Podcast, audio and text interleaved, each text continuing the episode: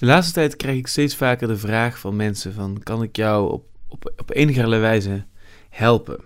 En um, ja, dat vind ik natuurlijk heel, heel hoopvol en uh, positief om te horen. Dat, iets, dat is iets waar ik heel erg gelukkig van word. Want het betekent dat ik dus op een spoor ben van iets. Dat mensen uit zichzelf naar mij toestappen. Dat is altijd een teken dat er iets, dat je iets aan iets raakt. En uh, nou, ik heb net als wij allemaal die COVID-periode doorstaan. Als ik over financiën nadenk, heb ik eigenlijk geprobeerd om niet, uh, om mij daar niet echt over te uiten en om me een beetje, ja, om op mijn handen te gaan zitten en om me een beetje afzijdig te houden en om gewoon te denken, het komt wel goed. En uh, ik ben deze podcast ook begonnen, eigenlijk ook helemaal niet met in mijn achterhoofd, daar kan ik iets mee verdienen of dat kan ik uiteindelijk uh, monetizen of, of wat dan ook. Maar veel meer vanuit het idee van dat allerlei mensen om me heen het gevoel hebben dat, dat ze dingen niet meer kunnen zeggen, dat er een soort censuurklimaat heerst. En uh, ja, ik zie het eigenlijk inmiddels bijna als een soort onbewuste manier van mij om dan heel koppig het tegenovergestelde te gaan doen. Dus juist met heel veel mensen te gaan praten en dan alles te zeggen of zoiets. En uh, dat bevalt me heel erg goed. En ik merk ook dat het praten met mensen en die lange gesprekken, het zoeken naar die nuance, ook goed is voor mij. Gewoon voor mijn mentale gezondheid en mijn stress. Het zit echt niet in mijn aard om te vragen um, geld te geven. Dat zit niet in mijn systeem. Ik zou dat niet snel doen. Maar als mensen het aanbieden, als mensen naar mij toe komen en zeggen van, kunnen we je helpen? Dan denk ik meteen van, ja, tuurlijk. Want ik weet ook wel dat wat ik doe, door alles te zeggen en met iedereen te praten, dat dat niet zonder risico's is. Dat het heel verstandig is om een platform te bouwen waarmee je self-sustainable wordt. Dus natuurlijk wil ik uiteindelijk een platform hebben waarmee ik helemaal los sta van, van, van, van andere belangen en van afhankelijkheid. Want dan kan ik die gesprekken blijven leveren die volgens mij jullie als luisteraars willen horen. En wat ik heb gedaan is, ik, uh, ik heb nu een Patreon aangemaakt en een Nederlandse site gevonden Petje Af.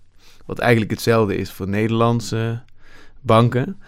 Um, en op die manier kun je inderdaad een maandelijkse bijdrage leveren. En daar kun je me ontzettend mee helpen. Dus dat is uh, wat ik inmiddels heb gedaan. Ik heb uh, geprobeerd om een architectuur aan te leggen.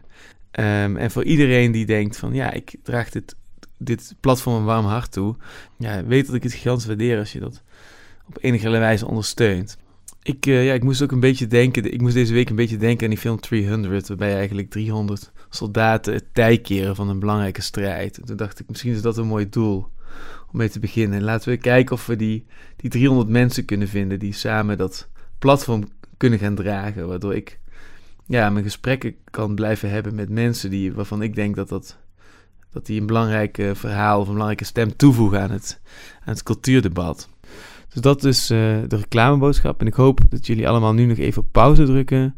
Je snel even inschrijven. Het is in drie kliks gebeurd. En uh, ja, mij dit gunnen om, uh, om dit kanaal verder uit te bouwen.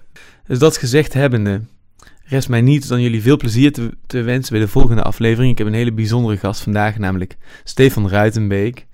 Een van de mensen die me ook mede heeft geïnspireerd om deze serie gesprekken te beginnen. En um, ik heb heel lang mijn best gedaan om hem aan tafel te krijgen. En vandaag uh, gaat hij met mij praten over ja, hoe hij daarmee is begonnen. Ik zit hier vandaag met Stefan Ruitenbeek van Kirak, Keeping It Real Art Critics. En uh, ja, het, ja, ik vind het heel erg leuk om met jou nu eindelijk uh, aan tafel te zitten. Ja, je bent bezig met, met een reeks kunstfilms of films. begonnen als cultuurkritiek. En, en dat is steeds meer uitgegroeid tot een artistiek project van ja. kunstfilms. Dus vanuit een soort die eigenlijk gebruik maakt van van uh, kunstkritiek en zelfreflectie en reflectie en meta-perspectieven en postmodernisme en een, ja, een soort eigenlijk waarin eigenlijk alle regels uh, open zijn en alles ook weer onderdeel kan worden van de films. Ja. En, en die reeks, um, ja, dat, daar ben ik een groot fan van inmiddels. Of eigenlijk, ja. En ja, dat lijkt me leuk om daar vandaag eens wat, wat over te praten. Hoe dat, hoe dat zo is gekomen en, en hoe, jij de, hoe jij zelf het veld overziet. Dus dat is mijn, ja. mijn agenda eigenlijk. Ik ben Als helemaal je het ermee eens bent. Ik sta tot je beschikking. Ehm, ja, oké. Ik weet misschien wel een goed begin. Ik weet misschien wel een goed begin. We stonden een half jaar geleden stonden wij ehm, bij Tarik, eh, waar hij woont. En daar was een expositie volgens mij. Of ehm, ja, volgens mij was er een expositie. Ik weet het eigenlijk niet eens meer. En jij stond buiten in de kou met een of andere jongen eh, te discussiëren. Ik zag in je ogen dat je ook niet heel erg geïnteresseerd was in die discussie, maar je was helemaal op stoom. En ik stond eh, een beetje achter en ik stond een beetje mee te luisteren over de, over de schouder, zeg maar. Toen hoorde ik jou eigenlijk hem uitleggen hoe jij het zag. En, ehm, en toen zei hij van, we zitten in een culturele paradigma shift. We zitten... eh, en toen begon je heel die wolk aan hem uit te leggen. En, hij, en je zag aan hem dat hij er eigenlijk helemaal niks van begreep. Maar ik kon het best goed volgen en ik hoorde dat je hem best wel, dat je het best wel goed beschreef. En dat was eigenlijk een grappige situatie. En een van de, een van de voorbeelden die je gebruikte toen om hem te overtuigen, was, eh, dat waren de schilderijen van Rothko. En dan begon je toen heel erg ja, af, af te schilderen als iets wat, wat door, het, door de kunstsector overschat werd of op een bepaalde manier werd gezien. En, en, en je, je stelde dat tegenover hoe jij dat anders zag. En toen stuurde ik jou even later een, eh, een app-berichtje. eh, om te vragen van, wat bedoelde je nou precies met, de, met, eh, met die schilderij van, Oh, van ja. Rothko? En toen zei je van, ja, en toen hebben we dat ooit eens een keer zo van, daar kunnen we vast wel een keer over praten, zodra jij een podcast hebt.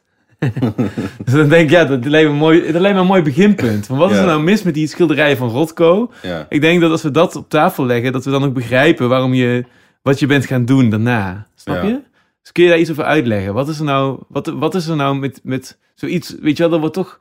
Ik, ik zie dan Joost Zwager van Man voor me in De Wereld Door, die dan eh, aan Matthijs van Nieuwkerk uitlegt van hoe prachtige schilderijen dat zijn en hoe ontzettend hij geraakt is door die schilderijen en wat er allemaal in zijn lichaam gebeurt en hoe hij al zag dat het zo Ja. geniaal is tijdens zijn snoepreisjes naar Amerika.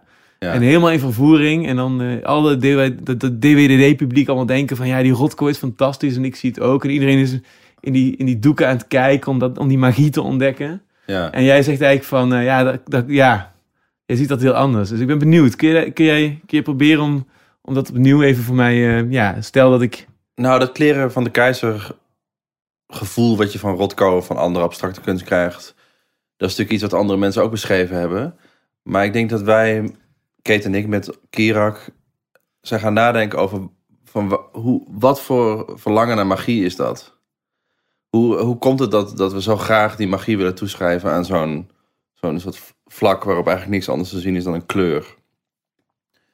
Ehm, en dat is een behoefte aan dat zo'n vlak of zo'n kleur of zuiver materiaal, zuivere eh, verf, ehm, dat in ons kan teweeg kan brengen. Dus eigenlijk een verlangen naar een soort oorverdovend effect van kunst en van schoonheid. En tegelijkertijd, ehm, en, eh, en dat moet ook dan met die kunst gebeuren, met zo'n abstract vlak.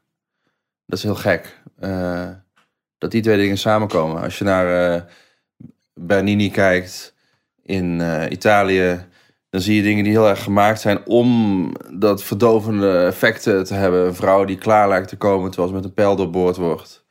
Maar waarom wordt er van ons nu verwacht dat wij dat effect krijgen door naar een Rothko te kijken? Dat is, dat is maf op een bepaalde manier. En dat heeft volgens mij te, te maken met de culturele ontwikkeling die we hebben doorgemaakt. Dus we zijn er als het ware langzaam geconditioneerd om op die manier naar kunst te gaan kijken. Naar abstractie te verlangen.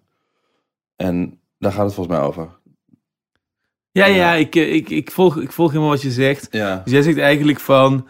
eh ja, Rothko is in dit geval maar een voorbeeld, hè? Dus eh, maar dit is eigenlijk iets wat breder speelt. Je kunt ook over Jackson Pollock beginnen. ja. Dan zou je het nog over een bepaalde techniek of esthetiek kunnen hebben die Ja. aanspreekt. Dat, dat schreeuwige grote doek en die, die slierte verf of zo. Dat dat, ja. dan, dan, zie je je voor, dan zie je hem in zijn gekte voor je in die kamer of zo. En dan word je zo emotioneel zoals hij misschien is geweest of zoiets, hè? ja.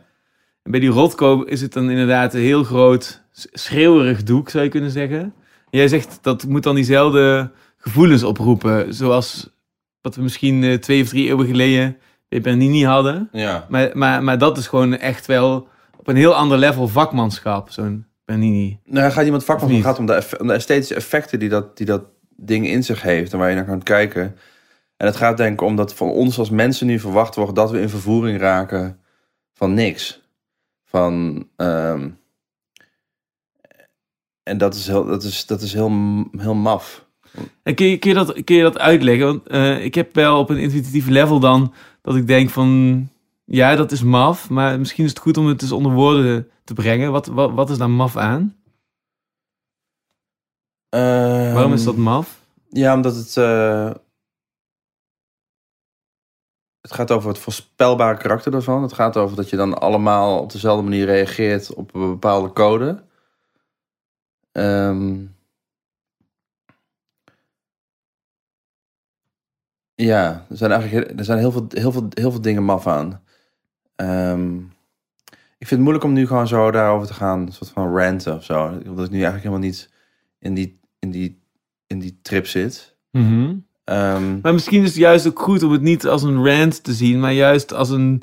Als, stel, we staan, je je staat in een soort grot in het midden en je hebt een zaklamp. En je bent die zaklamp werkt eindelijk. En je moet die weg naar buiten vinden. Snap je? Op die manier begin ik nu even in een soort ja, random entry point bij, Rod, bij Rodco. Omdat dat eigenlijk het moment is waarop ik aanging bij jouw verhaal destijds. ja, En ik probeer nu gewoon uit die grot te komen, zeg maar. Dus ik begin gewoon hier en ik Mm. denk, we komen wel ergens, snap je? We komen gaandeweg op een spoor ja, van dat is het niet of dat is, dat is opvallend. Eh, en ik probeer te begrijpen wat, wat voor jou, voor jullie dat moment is geweest. Dat je op een radicale manier breekt met die manier van kijken naar wat je van kunst verwacht. Of hoe je zelf kunst wil maken, snap je? Daar wil ik Ja. natuurlijk uitkomen. Ik wil begrijpen, echt, echt van binnenuit, op welk punt je zit. Als jullie, ja, laten we zeggen, als we even dat eerste filmpje van jullie nemen en jullie, jullie gaan naar de appel. Wa- waar zit je in je hoofd en met welke ja, bijna subversieve agressie sta je daar eigenlijk in alle vrolijkheid dat filmpje te maken? Wat is Ja. voor afgegaan? Eh, dat moment probeer ik natuurlijk te begrijpen, snap je? ja maar dat, we- dat, dat, dat kan ik, dat kan ik vrij, denk vrij eenvoudig uitleggen. Als we dat Rotko bijvoorbeeld een heel klein beetje loslaten en het meer in het algemene trekken. Ik zag in de kunstwereld, aan de ene kant heb je het kleren van de keizereffect. Dus je ziet heel veel onzinkunst die dan heel gewaardeerd wordt. Maar je Mhm. ziet ook patronen. Wat voor type onzinkunst wordt dan wel gewaardeerd of heel hoog. Ehm, en dat, als je die patronen gaat zien en gaat beschrijven, dan heb je eigenlijk een heel interessant gesprek. Want daar, dat is een heel labyrint, een heel doolhof van conventies en van manieren van kijken en hoe je hoort te reageren op kunst. En dan. ehm, en mijn ontdekking was eigenlijk dat je over een kunstwereld die in mijn ogen, in mijn ogen dood was en kunst produceerde die niets aan was, door die wereld heel erg te gaan beschrijven als een antropologisch object, ehm, dat je dan eh, heel interessante films kan maken en, en een avont- avontuur kan beleven in die wereld. Dus Ja. dan eigenlijk niet meer zorgen te maken over dat Rotko shit is en dat de kunstwereld vol met troep is, maar veel meer dat echt als een rabbit hole te zien, waar allemaal dingen, waar allemaal dingen heersen en gebeuren. Dat is, dat is de ontdekking van Kirak. Dus hoe maak je het feit dat eh, er zoveel rotko's in de wereld zijn weer interessant Ja. voor jezelf? Ja, ja, dus eigenlijk, eigenlijk zit ik, dus ik zit eigenlijk met mijn Rotko-vraag helemaal nog voor dat moment. Namelijk dat je eigenlijk, wat, wat we misschien allemaal op onze eigen manier wel zien, dat, er, dat je een bepaalde ergernis... Ik heb hetzelfde ook in de literaire wereld of in, de, Tuurlijk, in de wereld van het theater. Ja, Eh, heb ik ook diezelfde momenten allemaal gehad. En ook heel, heel vroeger in de wereld van het cabaret of in de... Toen ik, eh, weet je wel, je, je, je ziet je, in de televisiewereld of bij films of zo, hè, of in de muziek. Hebt de hele tijd in al die subculturen datzelfde, dat je je ergens ergert aan, aan die monocultuur die zich presenteert als diversiteit of als divers. ja. Weet je wel? dat was heel erg mijn gevoel. Want dat, dat, in, in 2013 was dat denk ik dat ik dat zo begon te formuleren. Toen bezocht ik de kunsthandelaar Stefan Simkovic in Los Angeles. Daar heb ik ook een film over gemaakt, aflevering 8. En die, ehm, die verzamelde en verhandelde kunst die heel erg gebruik maakte van het aura van diversi- diversiteit. Maar ik kon eigenlijk in al die kunst eigenlijk geen verschil ontwaren. Terwijl al die verschillende kunstwerken er, al die kunstwerken er verschillend uitzagen. Ja. Dus Ja. jij zat eigenlijk zo dicht op, op iemand, op een art dealer eigenlijk. Of, hij- of hoe zeg je dat? Eh, Simkovic is een, is een, eh, een art dealer, toch? Ja, hij, hij verhandelt kunst, maar hij verzamelt het ook. Je ziet ook in het begin van die films zie je ook zo'n jong iemand eigenlijk die net met hem aan het werken is. En die klaagt ook een beetje tegen jou, toch? Die zegt dan van, ja, ik moet het, ik moet het aanleveren, maar dit niet en dat wel. En hij voelt zich eigenlijk in die mal gedrukt. Ja. En daar is hij ook een beetje over aan het fulmineren. En tegelijkertijd portretteer je hem en krijg je heel veel sympathie voor zijn manier van werken. Voor die uh, art dealer bedoel Ja, voor Simkovic. En eh, dat, dat is mooi, omdat je dan eigenlijk die twee kanten begrijpt. Je begrijpt, tenminste zo kijk ik naar die film. Je begrijpt, je begrijpt eigenlijk Simkovic in hoe hij de markt bespeelt. Ja. Hij zit ook maar in die kunstwereld en hij legt jou heel transparant uit van ik moet wel zo werken, ik moet wel dit doen. Dit is hoe mijn praktijk werkt. En tegelijkertijd werkte hij met die kunstenaars op een bepaalde manier. En die voelen zich eigenlijk in een mal gedrukt. Ja. En daardoor zie je eigenlijk ook hoe dat weer monocultuur wordt. Hè? Hoe eigenlijk, hij eigenlijk op dezelfde manier zoals iemand zeg maar, in Brazilië soja verbouwt, eigenlijk met kunstenaars omgaat. Ja. Terwijl, terwijl dat zich, hij dat verkoopt dat als iets wat divers en hip en happening is. Ja. Is dat wat je bedoelt? ja, zeker. Zeker, ja. Ja. En dus jij, jij, dus jij zegt in 2013 ben je, want volgens mij is de eerste Kirak in 2016. Ja. Dus daar begint dan zo'n barst te ontstaan of zo. In hoe je kunst maakt of hoe je daar naar kijkt. Of eh, dat, dat, dat, dat, dat, het breekt iets open of zo. Of, of hoe werkt dat dan? Nou, ik, ik merkte dat, dat ik met mijn kunst nergens kon aankloppen. En ik begon te, te concluderen, denk ik, dat dat te maken had met de mentaliteit die gepaard ging met mijn werk en mijn houding. En, en, en ik dacht ja, voor, de- voor deze mentaliteit is geen ruimte. Het heeft niet zozeer te maken met de esthetiek of met schoonheid, maar gewoon met... En welke mentaliteit wordt wel geaccepteerd? En dat is toch eigenlijk vaak het idee dat, dat kunst dan iets bijdraagt aan een betere wereld. Of dat het... ehm, eh, je inderdaad in een soort eh, vervoering brengt, zoals zo'n abstract schilderij dan zou doen. Hè? Dus dat je, dat, Ja. nou, dat je eigenlijk dat je, dat je die schoonheid in jezelf vindt. J- jij bent mooi als je naar zo'n abstract schilderij kijkt, omdat jij die schoonheid daarin ontdekt of ontwaart. Er zit al een vorm van eerbied in naar het kunstwerk eigenlijk. hè? Ja, heel eerbiedig. Het is eigenlijk zo van, van ik, ik heb iets, er is iets raadselachtigs met dit werk. En ik ken het raadsel nog niet. Ja, Maar als ik ervoor open sta en maar lang genoeg kijk, dan openbaart zich die, die, dat diepe wat erin zit. En dan kan ik me nederig naar dat diepe opstellen. ja. Dat, dat, dat zijn alle stapjes die je dient te maken. Iedereen loopt, het, het, het hangt in het stedelijk, dus het zal wel belangrijk zijn. Ik snap het nog niet. En daar ontstaat ook dat nieuwe kleding van de keizergevoel. Hè? En dan kan natuurlijk, eh, als je zo Rotko bijvoorbeeld, dan, om hem maar weer aan te halen in het echt, is het dan nog iets groter dan je dacht, of nog iets roder dan je dacht. En Ja. dan kun je dan meenemen in je, ja, en je, en je hebt net iets meer voorkennis. ja, Net als bij eh, matchfixing eigenlijk. En ja, dan kun je dan zeggen van, eh, ja, ik voelde echt wel, eh, er ging echt emoties door me heen. En dan, maar dan moet je alweer in die nederigheid schieten om met je gesprekspartner te kunnen, eigenlijk, ja, zoals Matthijs van Nieuwkerk dan met, met, met eh, Joost Wageman in de wereld daardoor enthousiast is over Rotko. Zij, zij, zij hebben al consensus over het feit dat, dat die magie iets, die, die magie bestaat. En Ja. zij zijn nederig ten opzichte van die magie. ja. En, en dat is dan het hele toneelstukje, toch? Zeg Ja, dat? en het is natuurlijk ook heel vermoeiend om de hele tijd opnieuw te beginnen. en Weer opnieuw te bepalen wat je wel of niet mooi vindt. ja. Dus, is, dus, dus elke cultuur zal zo'n structuur kennen. ja.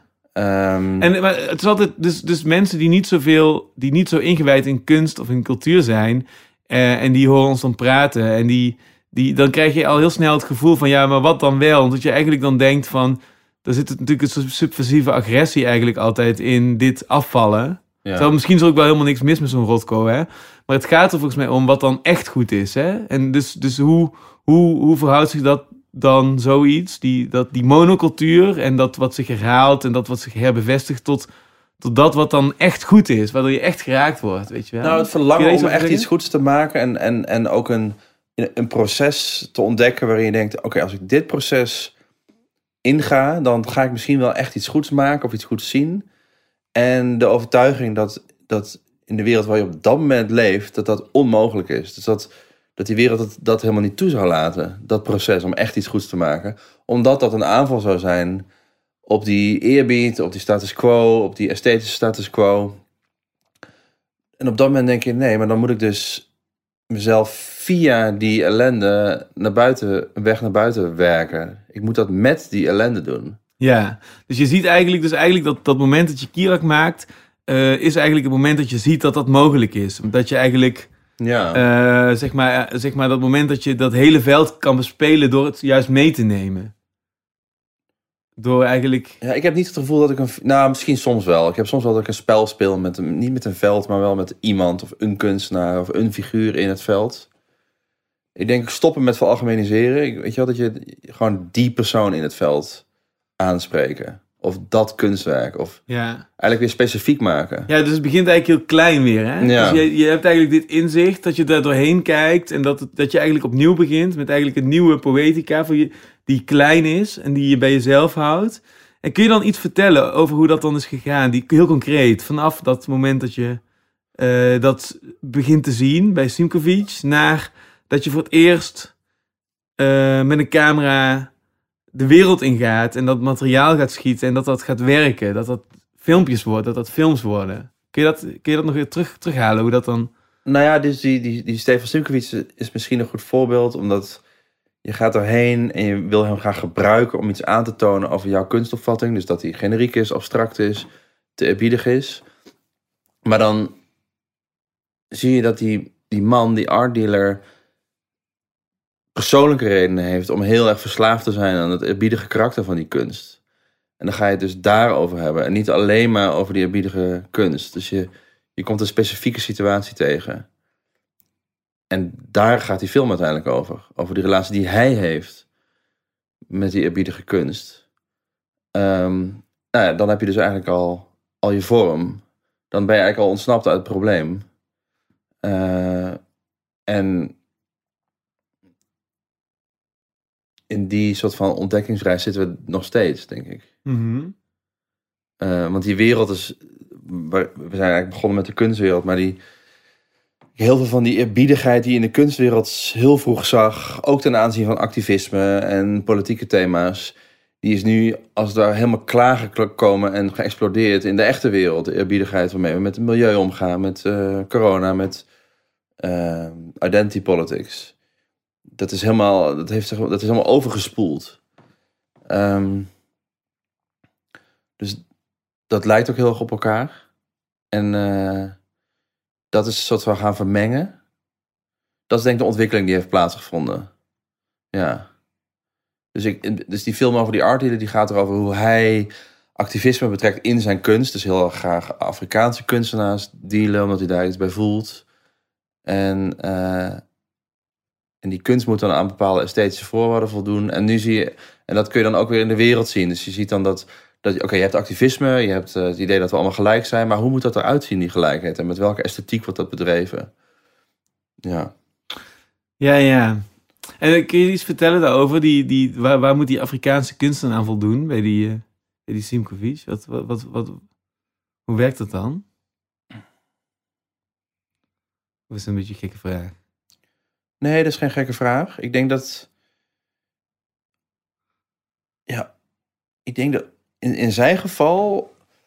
Die kunst moet sowieso verkopen. Dus hij moet het kunnen verkopen als. Het moet een beetje lijken op wat we al in het Westen maken. Anders kan hij het niet kwijt. Dus kan hij niet overleven.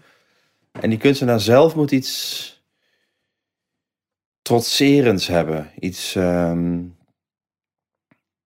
iets wat, Simco van in vervoering kan raken. Iets wat hem zich klein laat voelen. Zoiets.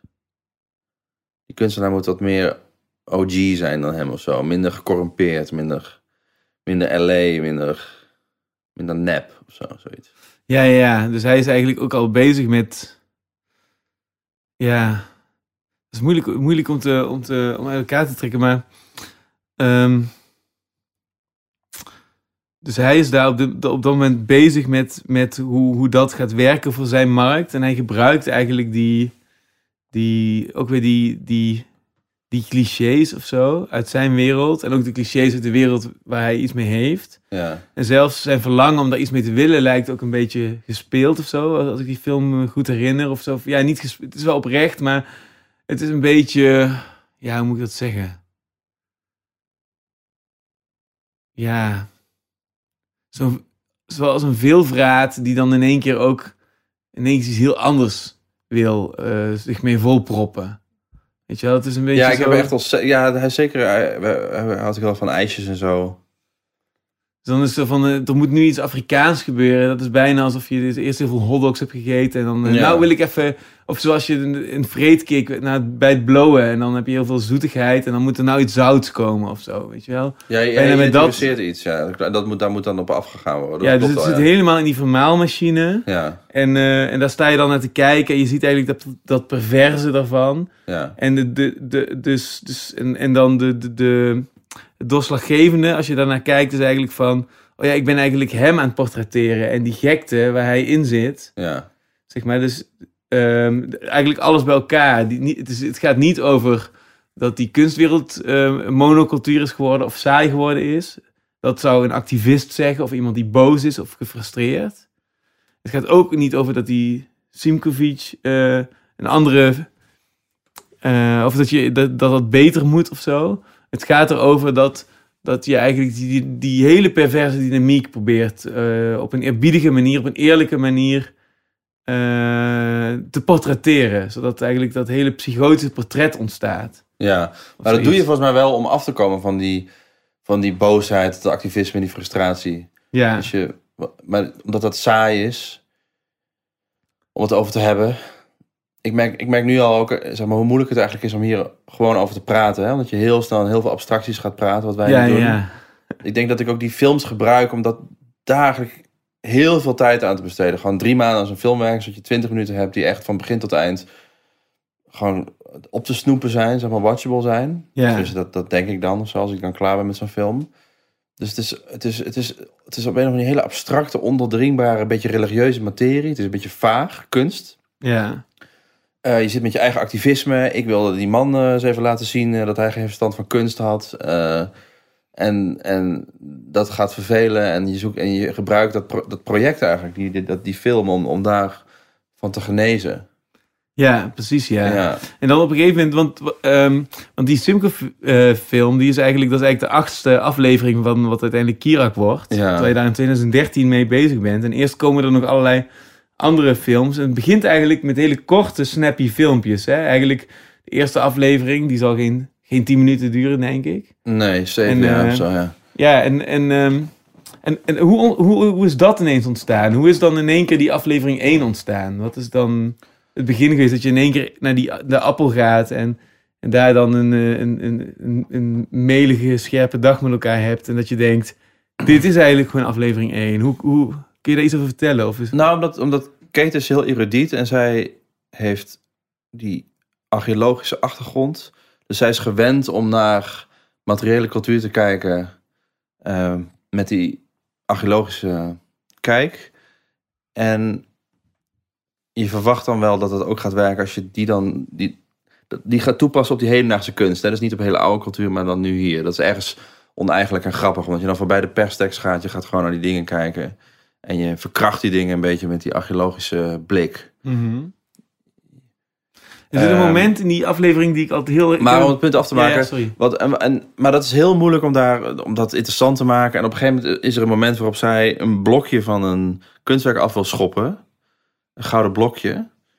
En dan wordt het één keer lichamelijk. Gewoon die weerzin die je voelt bij die stomme kunst. En zo, en toen had ik een soort ingang voor die film. Eigenlijk Kate's lichamelijke aanwezigheid in die ruimte en haar lichamelijke reactie op die steriele, stomme shitkunst. Dat, dat vond ik dan charmant of zo. En daar kon ik iets mee. Daar, daar kon ik een ritme mee bouwen. En die theorie die er ook in zit, in die film, die, die volgde daaruit voort. Dus je bent eigenlijk op zoek naar vorm.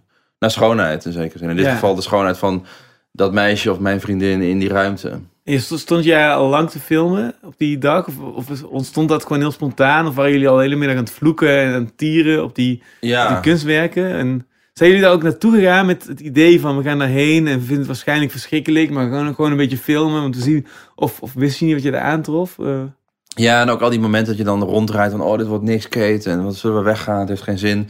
Dat was uiteindelijk heel erg grappig. Die, ja. Dat je geen grip krijgt, krijgt op, die, op die ruimte, die witte ruimte waar dan die shitkunst staat. Ja.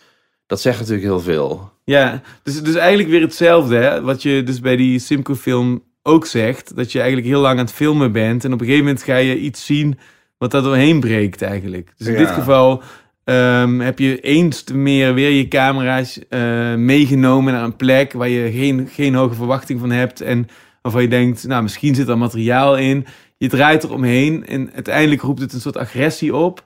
En, en dat, daar, daar komt niks uit voort, maar iemand gaat een beetje door die ruimte lopen en in één keer zie je ja, dat ongedurige, dat ronddralen, dat ritme, dat visuele, dat zegt me iets over dat niet kunnen grijpen, terwijl het toch die agressie is. En, Ja. en daar, daar, daar, dan denk je, ah, er zit iets van leven in deze, in dit materiaal. Of, Ja, en ook het maffe verlangen om naar tentoonstellingen te gaan. Zoals, zoals je ook misschien het verlangen hebt om een kerk binnen te lopen. En gewoon eigenlijk die stad te ervaren. Hè, met die grote witte ruimtes waar dan die kunst is. Of ja. dat, dat, maar dan die, dat dan die kunst altijd shit is of zo. Dat is zoiets weirds. ja. En dat zat, zit volgens mij ook in die film. En er zit ook altijd een beetje een soort cognitieve dissonantie eh, eh, als bezoeker.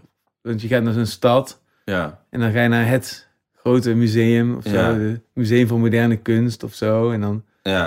er zit altijd dat, nog dat laagje van dit zal wel heel goed zijn. Want ik Ja. ben één dag in Denemarken en dan ga ik toch maar even naar de- het museum van Denemarken. Je Ja. betaalt 15 euro, wel, wel veel geld, maar het is ook belangrijk. En dan Ja. loop je al die zalen in en dan zie je weer zo'n zo'n helm met spikes en een paarse Tina Turner en, Ja. en dan allemaal mamotjes en allemaal van dat soort dingen of zo. Of ja. spijkers en lijm en zo. En, dan, en, en, je zegt maar tegen jezelf van nee, maar ik, ik, zie het vast niet. Maar terwijl als vaak is er dan ook één of twee werken die dan wel goed zijn, dan zie je ook wel meteen, oh, dit is wel goed of zo. Hè? Dus je, je reflexen zijn dan wel in orde of zo.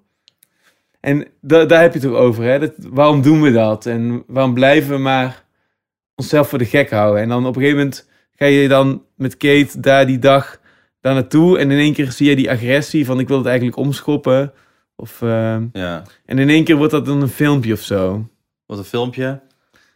Ja. En, en, en, en, dan, en dan denk je ineens op een, in een soort subversieve bui van laten we dit maar uitbrengen. Of, of denk je meteen van dit is groot of dit is goed. Of, probeer even dat moment eh, te begrijpen. Oh, dat vind ik wel ingewikkeld hoor. Het is ook alweer een tijd geleden. Volgens mij hebben we dat ook weer een half jaar laten liggen. Omdat ik eigenlijk niet zo goed wist wat, wist wat het was.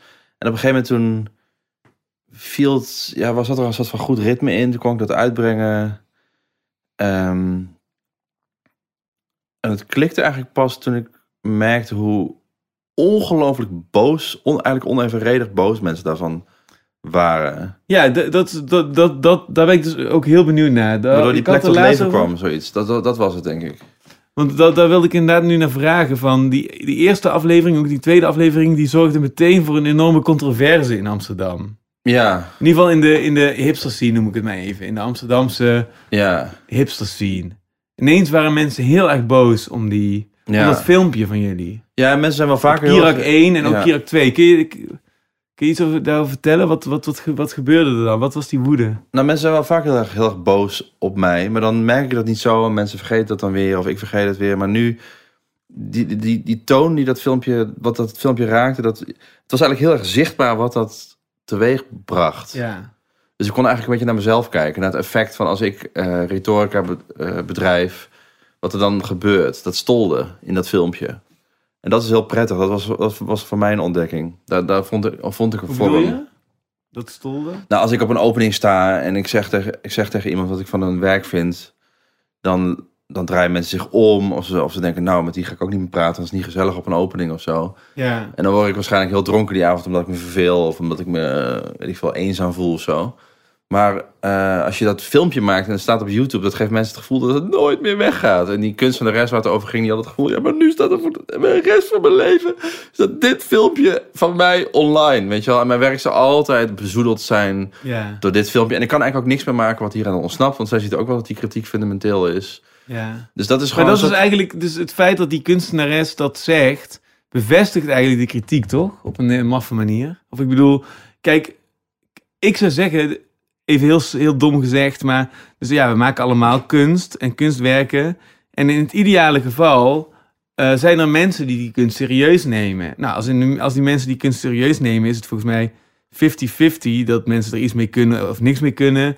eh, venijnige kritiek hebben of het lovende kritiek hebben eigenlijk zou dat gewoon de, situatie. Ik bedoel, 50-50 is wat gek gezegd, maar ik bedoel, het is een beetje random, snap je? De een kan er veel mee. de- Ja, ik heb nooit zo met die soort van vrijblijvende... Ik denk dat kunst echt en de kunstenaar echt bezig is... om mensen bij de kladden te grijpen. ja. Ehm, nee, maar ik bedoel, het kan dat dat niet lukt, toch? dat ook, ook Ja, maar dan heeft, heeft, die, heeft die kunstenaar dat wel geprobeerd om dat te doen. En dan is Ja. het tussen... Dan is die mislukking ook betekenisvol. Dan is dat, dat, is, dat, is, dat is treurig. Wat, ik, wat ik denk ik wil zeggen is dat zij toch tegen die kritiek zou moeten kunnen. Dat zij, eh, haar logische reactie zou zijn, wat vet. Er zijn te jonge, bevlogen kunstenaars die mijn werk zo serieus nemen dat ze daar een film over hebben gemaakt.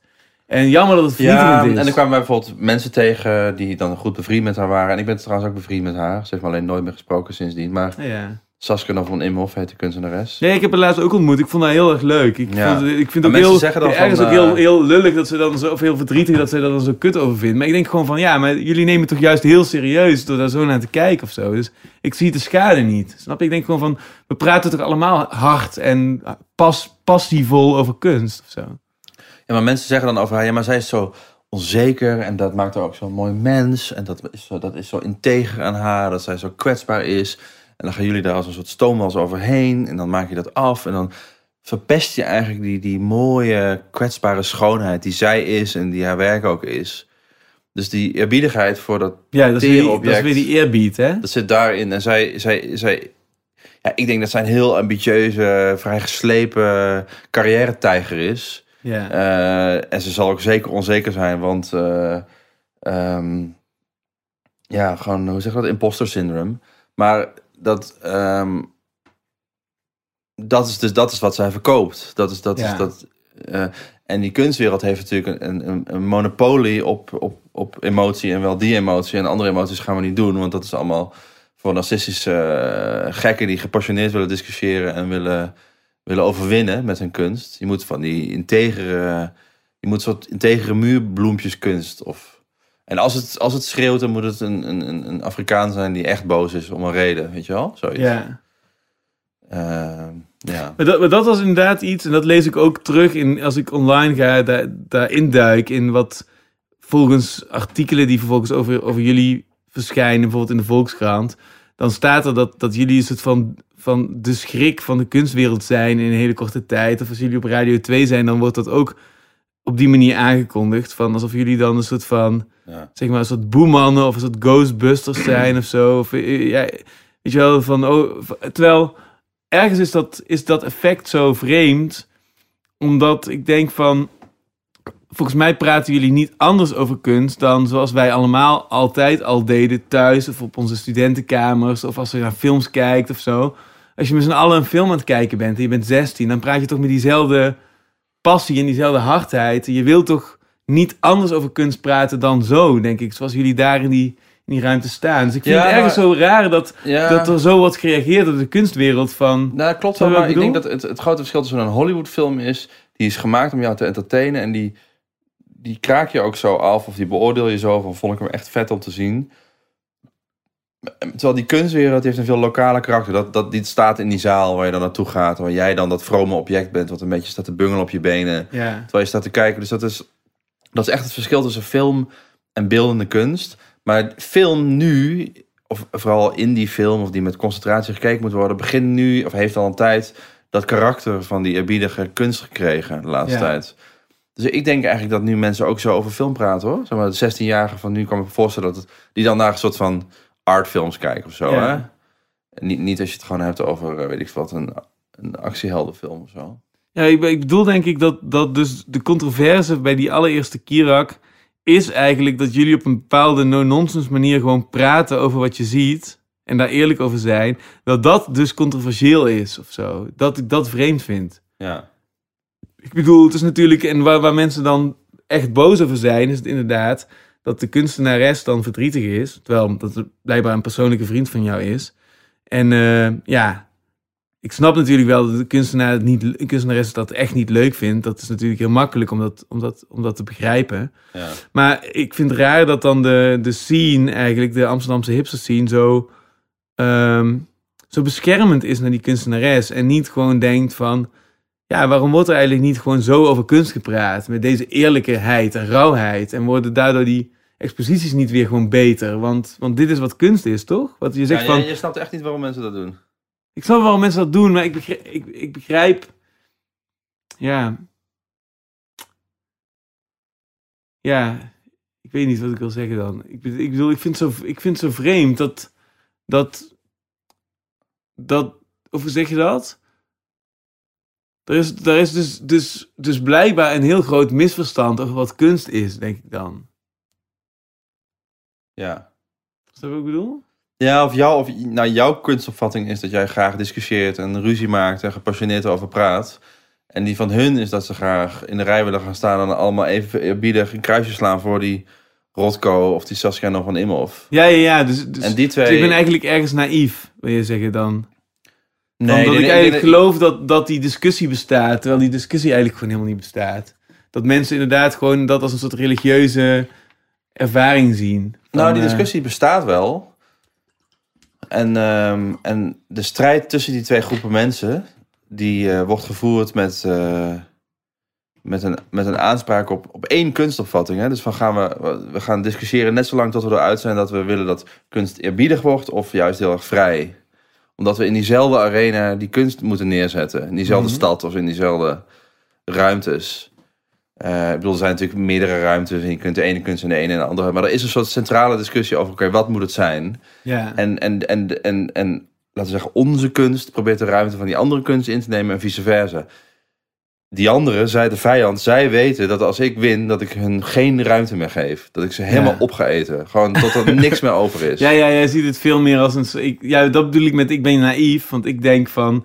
Er kan van alles bestaan. Je zegt, ze sluiten elkaar uit. Ze moorden ja, dat elkaar denk uit. ik. Ja, zo, het, het Ze schaap, eten elkaar op of zo. nou, het is in ieder geval een strijd om leven en dood. Dus ik bedoel, er zullen altijd schapen zijn en altijd roofdieren. Ja. Maar die strijden om leven en dood met elkaar. ja, dus jij zegt op dat moment...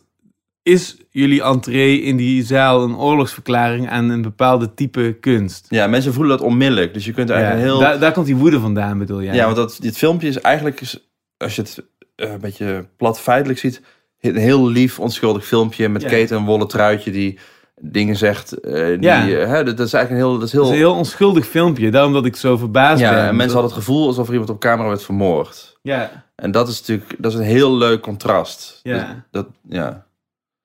dat is een ontdekking, denk ik. Dat je, dat ja, je- ja, ja, we zaten vanmiddag trouwens eh, een filmpje te kijken van, van Jan Maat, van een hele tijd geleden. ja. Weet je wel? En dan, die werd ook op die manier 20, 30, 40 jaar geleden echt helemaal verguisd. Ja. En als je in de context van wat we, wat we nu allemaal weten hem zien, dan, eh, dan zie je eigenlijk iets dat hij best wel een, een- ook een, eh, een, op, iets op het spoor was. Wat Ja. je ja, vooruitziend zou kunnen noemen. Of Mhm. zo, hè? Maar het is ook een oorlogsverklaring. En terwijl, als je hem ziet, is hij eigenlijk heel rustig. Maar in, de, in dat moment zie je hem als iets heel gevaarlijks en engs. Of, Nou, het mooiste vond moet ik is dat hij die Muns die daarnaast zit, die probeert dan, dan te interviewen. En die is kritisch op hem vanuit een VPRO-manier. Die probeert Jan Maat als een nazi weg te zetten. Of in ieder geval te associëren met fascisme. ja. En, ehm, en die Muns die wordt uiteindelijk natuurlijk zelf opgegeten door die, door die groep waarvoor hij daar aan het vechten is.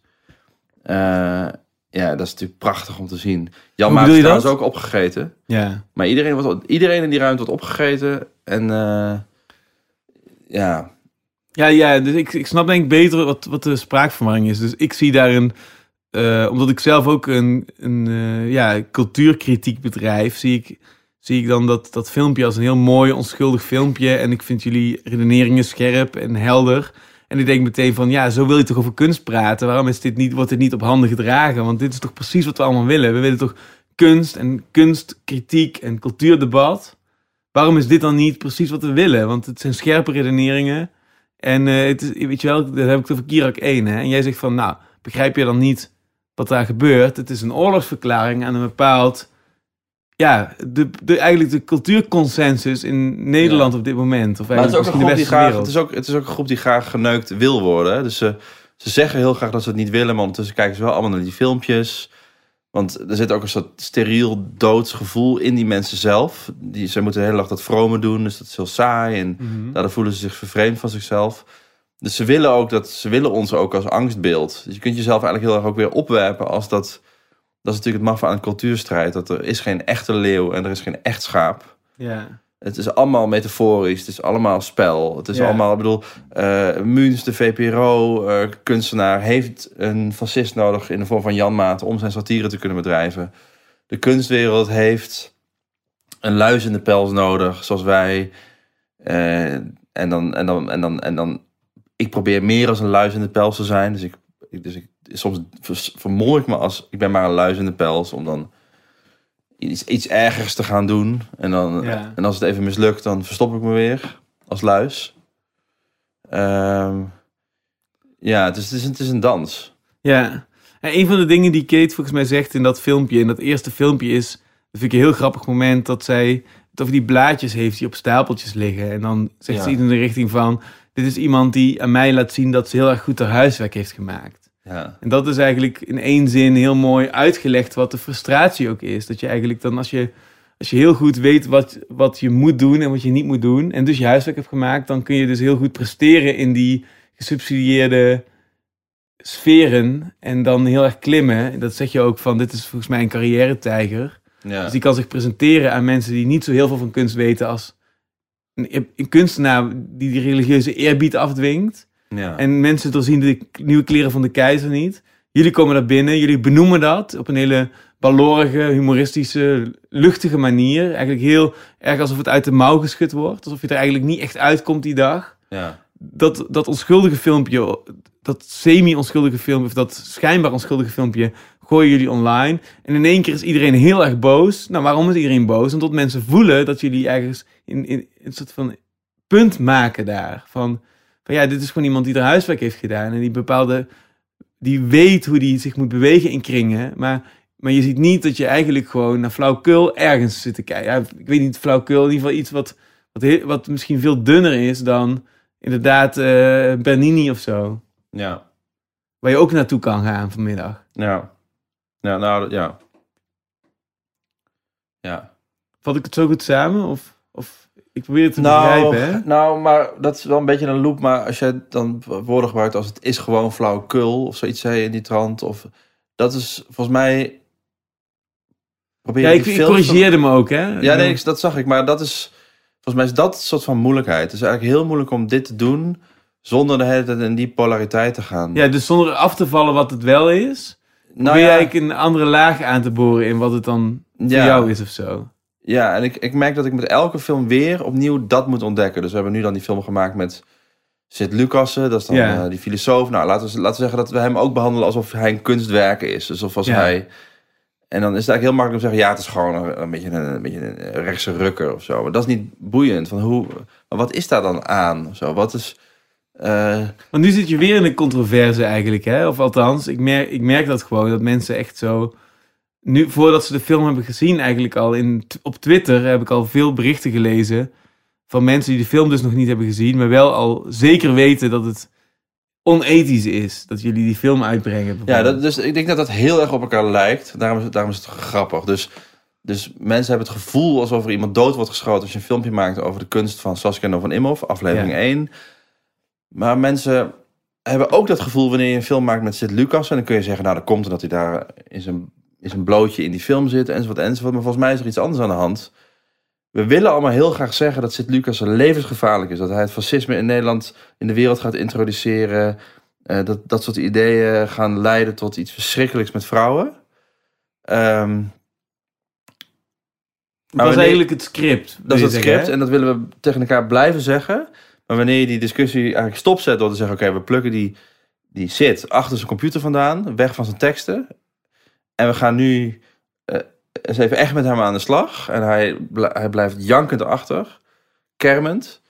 Ehm, dat is dat is dan het allerergste of zo, eh, wat er kan gebeuren. Dat laat eigenlijk, laat eigenlijk zien hoe, hoe, hoe gespeeld die verontwaardiging was. Eh, of nou, niet eens gespeeld. Je bedoelt hoe, wat gespeeld... het karakter was van de verontwaardiging met betrekking tot die teksten van Sint Lucas. eh. Ja, dus je bedoelt eigenlijk van... Dus iedereen zit eigenlijk op eenzelfde manier zoals mensen naar Rotko kijken... en op dezelfde manier zoals mensen naar de appel gaan. Eerbiedig die op dat diezelfde manier fascisme-verhaal zit iedereen draaien. eerbiedig het script te volgen van... Oh, eh, Lucas is dus fascistisch. Dat, is heel gevaarlijk. dat Dat- dat- script begint eigenlijk al met... Eigenlijk al heel lang geleden, maar laten we even het begin dit jaar nemen... van die appjes rondom Baudet. Baudet Ja. heeft fascistische appjes... Oké, die, die appgroepen worden gescreenshot, die beginnen zich te verspreiden. Er ontstaat een hele discussie, is Baudet nou wel of niet een fascist? Eh, wie hangt daar omheen? Hein Jansen, of heet die? Sorry, Ik zeg het verkeerd. Eh, in ieder geval, een, een van die gasten die, die op, als zeven op de lijst staat, dat is een beetje een soort van... Freek. Freek Jansen, Weet je, vinden mensen een beetje eng iemand? Is dat, misschien is dat wel echt een echte enge natie. Nou, de hele rel. Eh, dan krijg je de verkiezingen. Van Haga en, en Baudet trekken gelijk op. Eh, van Haga trekt enorm veel mensen aan vanwege zijn anti-COVID-beleid of uitspraken. Ehm, en dan krijg je dat mensen gaan zeggen van nee, maar al die aanhangers, dat zijn ook nog eens fascisten. En dat is eigenlijk het, het script, het toneelstuk, waar ook eigenlijk Sint-Lucas in opereert. En, en hij is dan eh, meer een soort theoretische man. Hij heeft essays geschreven, essay-wedstrijd gewonnen. Eh, en hij theoretiseert ook, zeg maar, van eh, al die dingen, hè, van... inderdaad, van hij is dan een incel, eh zelfbenoemd incel. Dus iemand die vrijwillig, onvrijwillig geen seks heeft, hè. Ja. En, en dus hij zegt dan van ja, dat zou eigenlijk zo moeten zijn dat seks beter verdeeld wordt over mannen. Dus dan heb je het eigenlijk over seksuele dwang. Dat wordt dan gekoppeld aan het script. Aan Baudet is een enge natie. Dus ehm zit Lucas is een enge natie. En dat, dat is eigenlijk het, wederom het script wat eigenlijk, eigenlijk vast ligt waar we allemaal moeten volgen. En jij zegt volgens mij, op het moment dat ik als filmmaker met hem kan werken, stop ik eigenlijk dat script, zoals ik dat ook in de Appel heb gedaan. Ehm, en ga ik gewoon kijken. En dan krijgen we heel andere resultaten. En in één keer worden mensen boos op die film. En doordat ze boos op die film worden, wordt het een bliksemafleider. En zien we eigenlijk met terugwerkende kracht hoe dun dat script was. En hoe eigenlijk een toneelstukje dat was. En hoe, want nu ze het zo voor zit opnemen, kunnen ze in ieder geval niet meer een enge natie vinden. Want wat, wat, wat, wat, wat bedoelen ze dan eigenlijk? Dat, zo, zo lees ik het een beetje. Klopt dat wat ik zeg? Nee, ik denk dat ze nog steeds een enge natie kunnen vinden. Ik denk dat ze nog steeds kunnen zeggen, ik vind hem een enge natie. Maar dit is niet beschaafd. Dit gaat te ver. Dus dit, dit gaat, het, dit gaat eh, het discours... Dit beschadigt het discours waarbinnen wij hem en zijn fascistoïde ideeën aanvallen. Ja. Ehm, maar ik vind dat discours in zichzelf iets heel eh, beperkts en onmenselijks hebben. Ik vind dat discours zelf een beetje fascistoïde. In de, in, de, in, de, in de manier dat het vastzit in bepaalde patronen. En eigenlijk alleen maar dit wil zien en niet dat wil zien, enzovoort, enzovoort. Ehm, Kun je dat uitleggen? nou, dus dat je, dat je, dat je zegt van, nou, we gaan niet eh, dat, die discussie voeren. We gaan gewoon echt, echt naar zitten kijken. Wat, wat hebben we hier nou? Oké, dit is dus jouw fascist. Dit is dus die fascistische jongen. Dit is hem. Ehm, wat kunnen we daar allemaal mee doen? En hoe kunnen we hem gebruiken voor de kunst? En hoe kunnen we iets moois van hem maken? Of een, ehm, eh, en hoe kunnen we al die elementen waar hij aanspraak op doet, seksualiteit, vrouwen, ehm, gebruiken en nog meer eh, omvormen en daar een spel mee spelen? Ehm, ja. Dat, willen mensen, ja, dat vinden mensen denk ik ingewikkeld of zo. Zoiets. Het, het idee dat je, ook, dat je fascisme alleen maar op een beschaafde manier dan zou moeten aanvallen. En dat je het ook moet aanvallen. En dat, en, dat, en dat het dus ook vaststaat dat dat fascisme is. En dat jij dan niet fascistisch bent als je hem aanvalt. Ehm, en daar ga ik allemaal helemaal niet in mee. In, die, in, die, in, dat, in dat spel. Zo, dat jij de beschaafde bent en zit onbeschaafd. Ik wil dan heel graag de rol opnemen van onbeschaafde kunstenaar. Die zowel eh zit als eh, zijn critici in een onderbroek zet. Of in een naki. Dat vind ik een prettige rol op op dat moment om te nemen. Ik wil dan wel de executeur van Sits spelen of zijn, voor zolang het kunstwerk duurt. En dan kun je onmiddellijk de vraag stellen, is hij geëxecuteerd? Nee, want hij, weet je wel, het is, het is, het is maar een film. Zo. Maar mensen, mensen willen natuurlijk graag zo daar naar kijken. Van nu, Ja. nu is er echt iets ergs gebeurd. Het is eigenlijk zoals Kate tegen dat blokje wil aanschoppen bij de appel. Ja. Zo wil je eigenlijk hier ook een blokje omschoppen. ja, je schopt er gewoon om, die zit. Ja, dus je schopt gewoon een blokje om. En dus mensen hebben hetzelfde. Laten we even, even terugkeren naar Kirak 2 om, om daarna hier naar terug te keren. Ehm, want daar, zit, daar gebeurt volgens mij iets interessants. Of althans, dit voorbeeld haal ik altijd aan in discussies als ik, als ik over, over Kirak te- kom te spreken. Maar die, die film, de aflevering 2 heet Niet op deze manier. Ja. En dat zie ik altijd een beetje als de Kirak waterscheiding of zo. Dat is een beetje zo. Dus er is een soort van. Even, laat ik het even transparant maken. Dus, dus wat gebeurt er? Jij, volgens mij komt Amanda bij jou Ja. om te klagen over dat er een sub- gesubsidieerde film gemaakt wordt, waarbij uiteindelijk mensen gewerfd worden op het Kwaku Festival. Ja. En die mensen die. ehm, dat vindt, Amanda vindt dat dan een, ja, een banale praktijk. En daar ben ik het natuurlijk helemaal met haar eens. Dat je zeg maar. Omdat je eigenlijk in die subsidietaal gaat meedoen. Hè, van, van die gesubsidieerde kunst. En dus in die, in die subsidietaal is die diversiteit belangrijk. En daarin zeg je dan van ik wil bepaalde niet-witte mensen portretteren. En dan, maar in plaats van dat je gewoon uit je eigen kring of, of op een bepaalde manier bij die mensen komt, ga je een soort van dunne casting doen op dat Kwakko Festival. En jullie, proberen eigenlijk, jullie proberen daar dat eigenlijk bloot te leggen, hoe banaal dat eigenlijk is. In plaats van dat je echt een diepe film maakt over wat jou bezielt, eh, hoe dun dat is. En om dat bloot te leggen, bellen jullie uiteindelijk die maker op. En die maker is, ze vraagt volgens mij ook van, word ik nu gefilmd? En het antwoord is nee. Terwijl we die film zien, weten we dat dat dus een leugentje om best wil is. En jullie komen ook in een situatie terecht waarin jij uiteindelijk zegt van ja, maar, maar om, om dat te kunnen laten zien, hoe, hoe banaal die praktijk is, moet ik natuurlijk wel ehm, dat leugentje om best wil doen. Anders blijft het altijd verborgen. En wat ik grappig vind in die aflevering is dat het niet op deze manier heet. Waarbij je dus altijd twee typen mensen krijgt. De ene die denkt van, ik snap wel wat je bedoelt. Ik vind gewoon de manier waarop niet goed. En de mensen die zeggen van, ja, ik snap wel dat de manier waarop noodzakelijk is om dat bloot te leggen.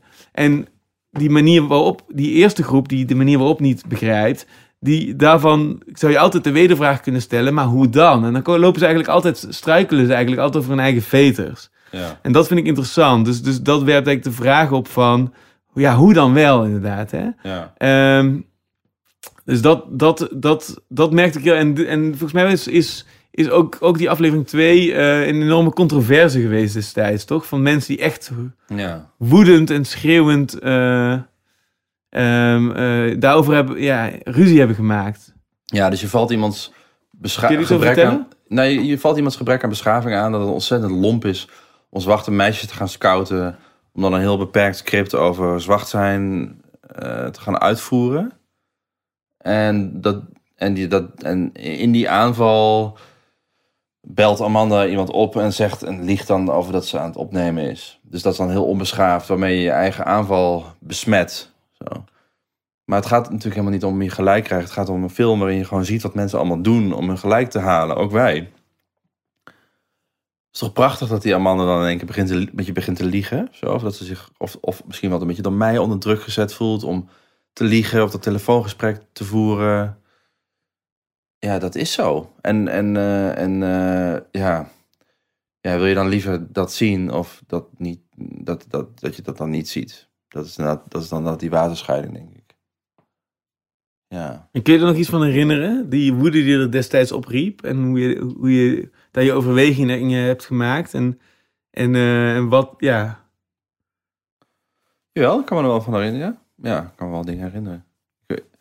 Dat is ook heel veel complex hoor. Want je, je denkt aan de ene kant, hoe heb ik die film toen gemaakt? Amanda is natuurlijk zo'n prachtig figuur.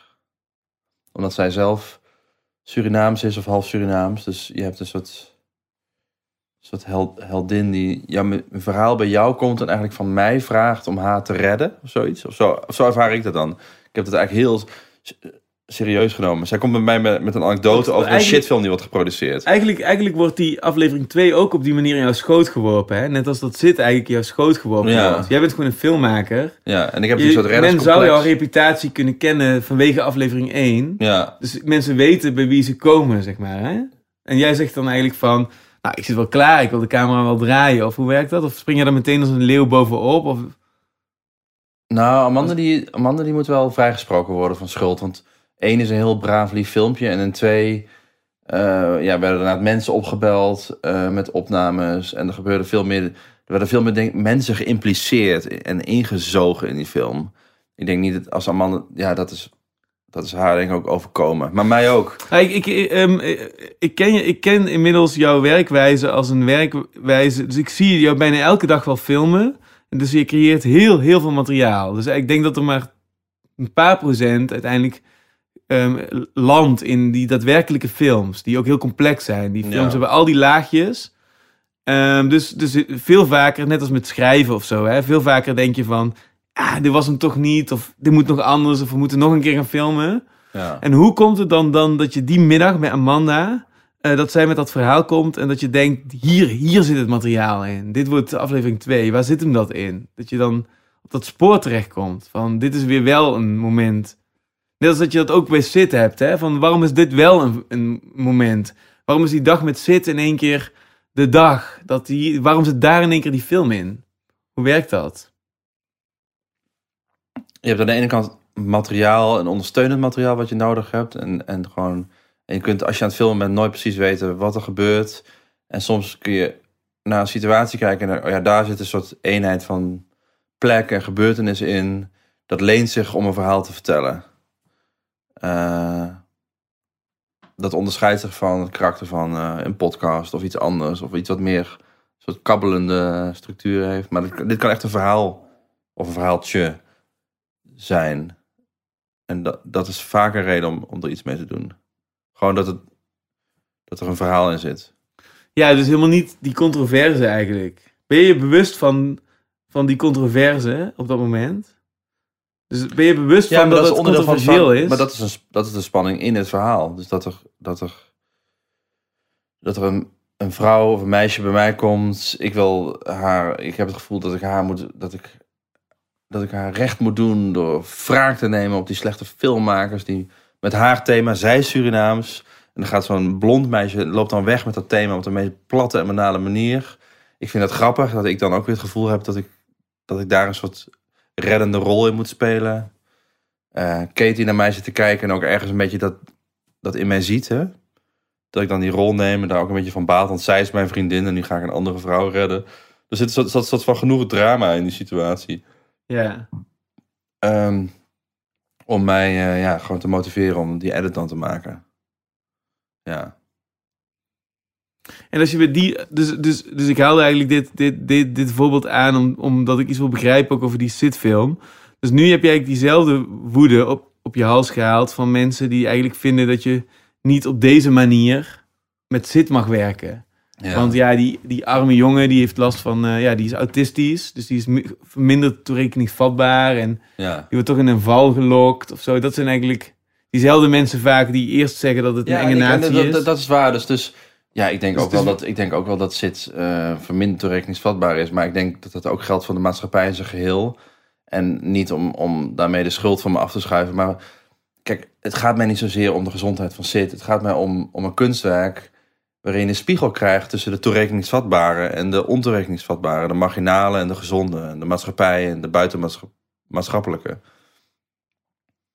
En, ehm, en eh, mensen die zich maatschappelijk voelen en toerekeningsvatbaar, die willen nu dan Sid redden. Maar ik wil eigenlijk zeggen, jullie zijn ontoerekeningsvatbaar. Want jullie gedragen je echt belachelijk op, eh, op Twitter.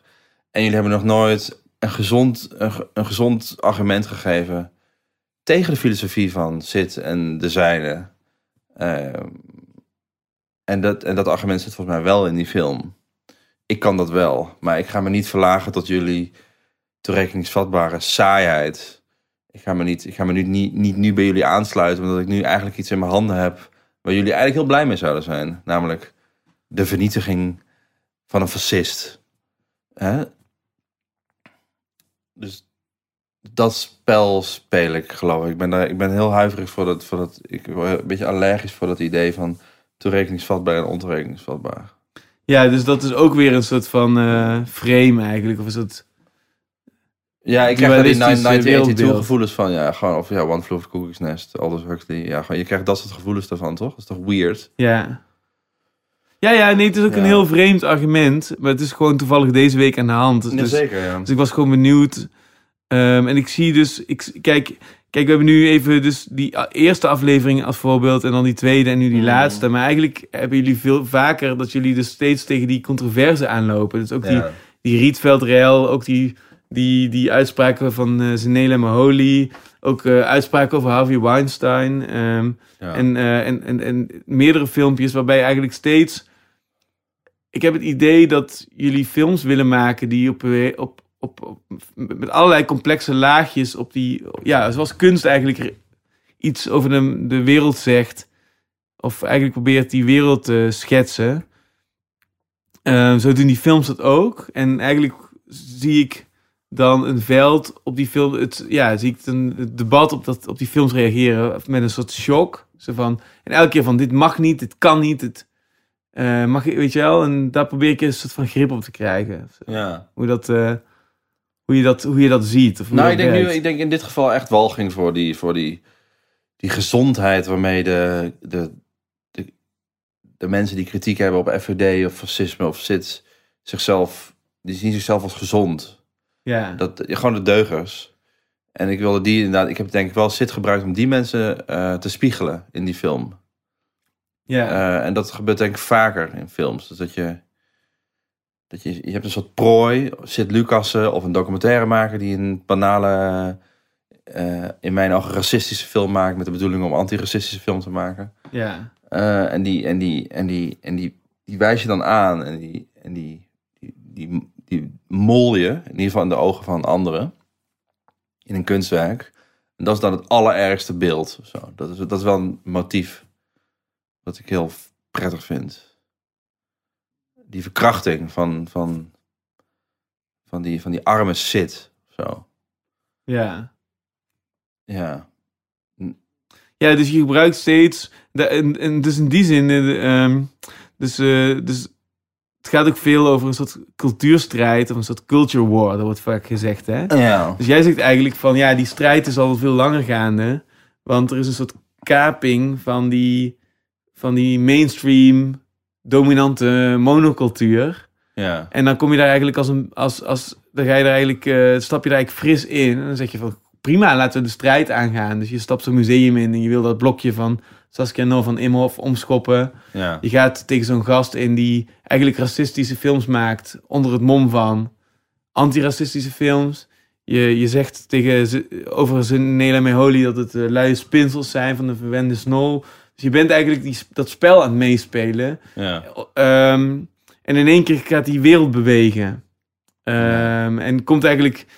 Iedereen, iedereen zit met die scripts eigenlijk. Maar het ziet er een beetje uit als theatermakers... met al die scripts door elkaar liggen... en, en die blaadjes op de grond beginnen te vallen. En, die, en mensen beginnen in de wacht te komen. Ja. En, en, en eigenlijk ontstaat er een soort lachspiegelachtige variant van die wereld... die, die eigenlijk dat idee wil vasthouden van die hoogwaardige, schone cultuur... waarin zij ook moreel zuivere mensen zijn. En schone mensen met een zuiver geweten...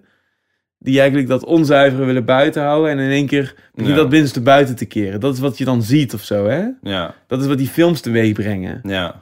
En wat jou wordt aangerekend vaak is de collateral damage. Dus is het niet zielig voor Saskia No van Imhoff? Is het niet zielig voor die documentairemaker in aflevering 2? Is het niet zielig voor Senela Meholi? Of is het niet zielig voor de slachtoffers van Harvey Weinstein? Of in dit geval is het niet zielig voor Sid Lucassen nu, hè? Ja. En wat, wat, wat, zou je zeggen van, is, weet je wel, stel je voor dat, dat je een hele lieve vriendin hebt, ergens, die, die, die een beetje Die heb ik niet. empathisch hartje, die zegt van, nee, maar het is toch ook zielig of zo? Dat, dat, ja, wat, wat is nou, wat is nou het... Hoe kijk je daar nou naar? Ik Van- snap de vraag echt niet. Nee, maar ik bedoel, dus, dus, dus mensen vinden dat dus blijkbaar zielig. Voor, voor, voor die Maakt maakt werkwijze. het niet uit. Nee, dat, dat weet ik dat het niet uitmaakt. Maar ik ben gewoon benieuwd naar wat, hoe, je, hoe jij die... Ja, oké, misschien is dit gewoon een domme... Zij, Nou, nee, ik wil best wel filosoferen over, eh, over de zieligheid of zo. Of over dat, ik bedoel, het maakt natuurlijk wel uit dat mensen het zielig vinden, want ik speel daarmee. Ik weet dat mensen dat heel zielig gaan vinden. En nu zijn er mensen die zeggen van... Ja, wat nou als, als, als, als er iets ergs met zit gebeurt, snap je? Ja, maar kijk, ja, ja mijn, mijn reactie daarop is dat ik denk dan echt niet dat het door mij komt.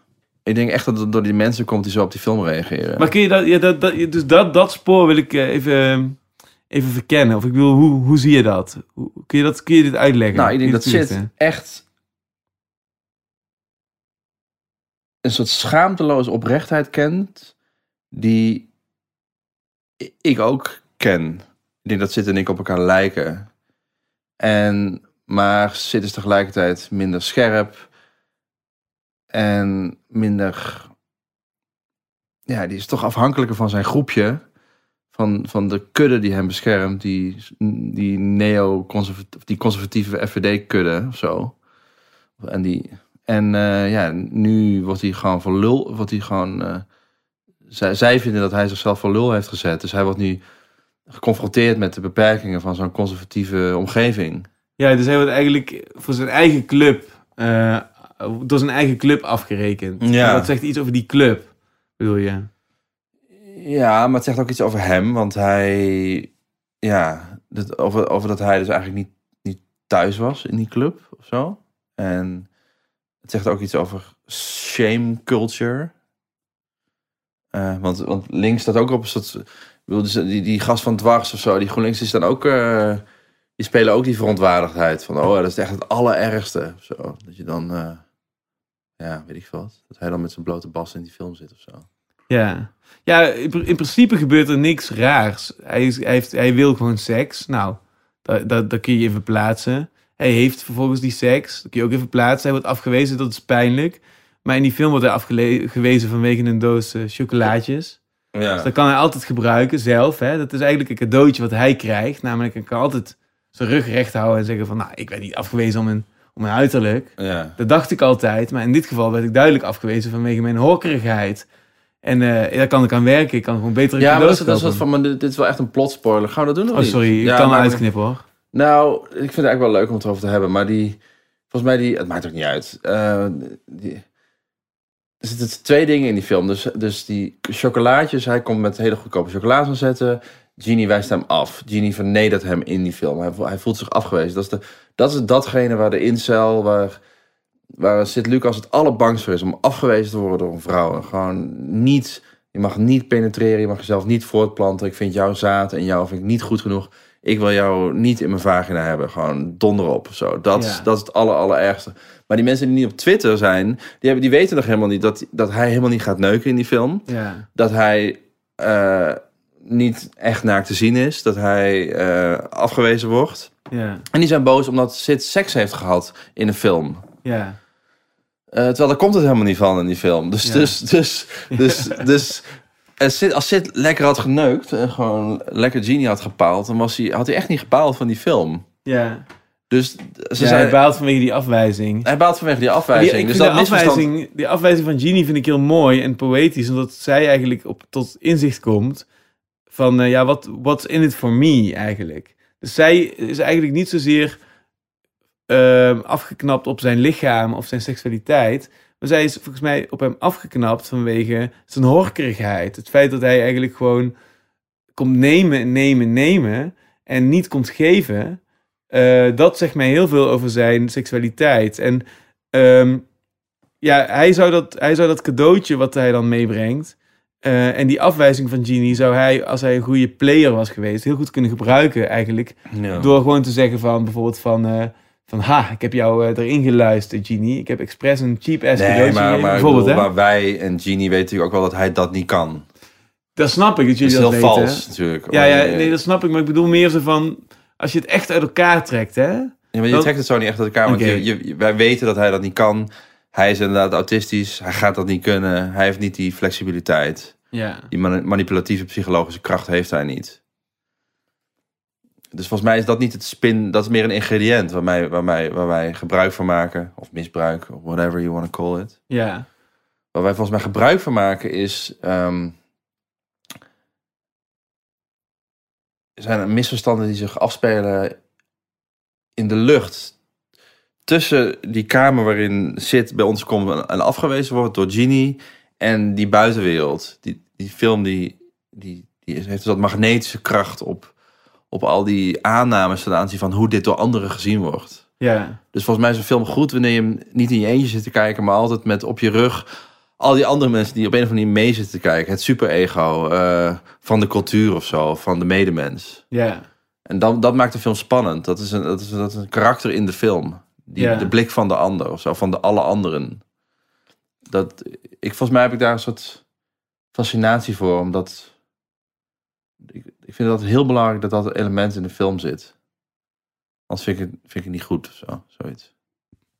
Ja, en, Ja. Je, en je zegt eigenlijk van de, de online storm ontstaat eigenlijk grappig genoeg omdat we, bij mensen die eigenlijk niks van die film weten en eh, die doen al eigenlijk aannames die vals zullen blijken, want hij heeft niet eens seks Ja. in de film. En dat, dat zegt eigenlijk ook weer heel veel over die mensen. Die, dat is weer dat exposen van al die laagjes hè, daaromheen. Ja. Dus die film is eigenlijk zo'n, heeft een soort ripple effect, zeg maar, op al die... Dus Lucas is dan eigenlijk even de, de ja, degene die, die het kwartje in de machine wordt, maar. Ja, ja, ja dat, die, die machines die je in New York hebt, als je zo de Twin Towers, als het dan vroeger, dan moest je zo'n muntje erin doen, dan moest je draaien.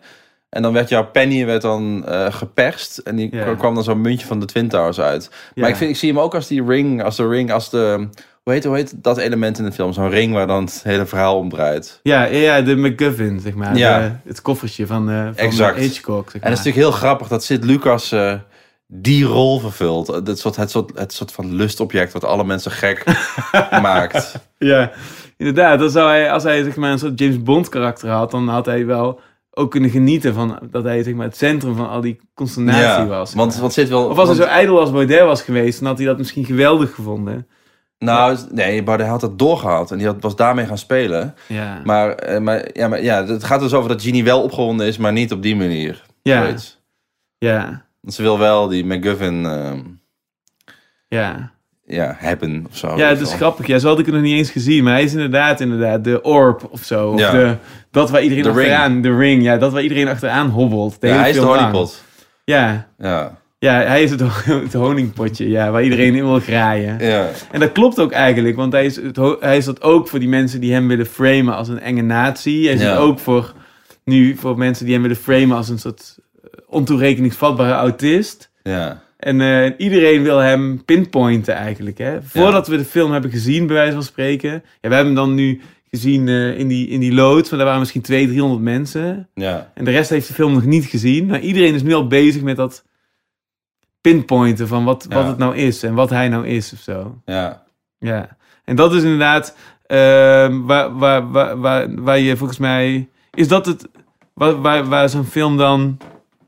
Wat het hoogst haalbare is van zo'n film eigenlijk. Dat je dan... Dat, dat zo'n film in het beste geval optimaal al die bedrijvigheid en consternatie in beeld brengt weer. Of al die... Ja, je brengt het eigenlijk niet in beeld. Je, je, je, je, je, je laat die spanning voelen of zo. Of die, die ja.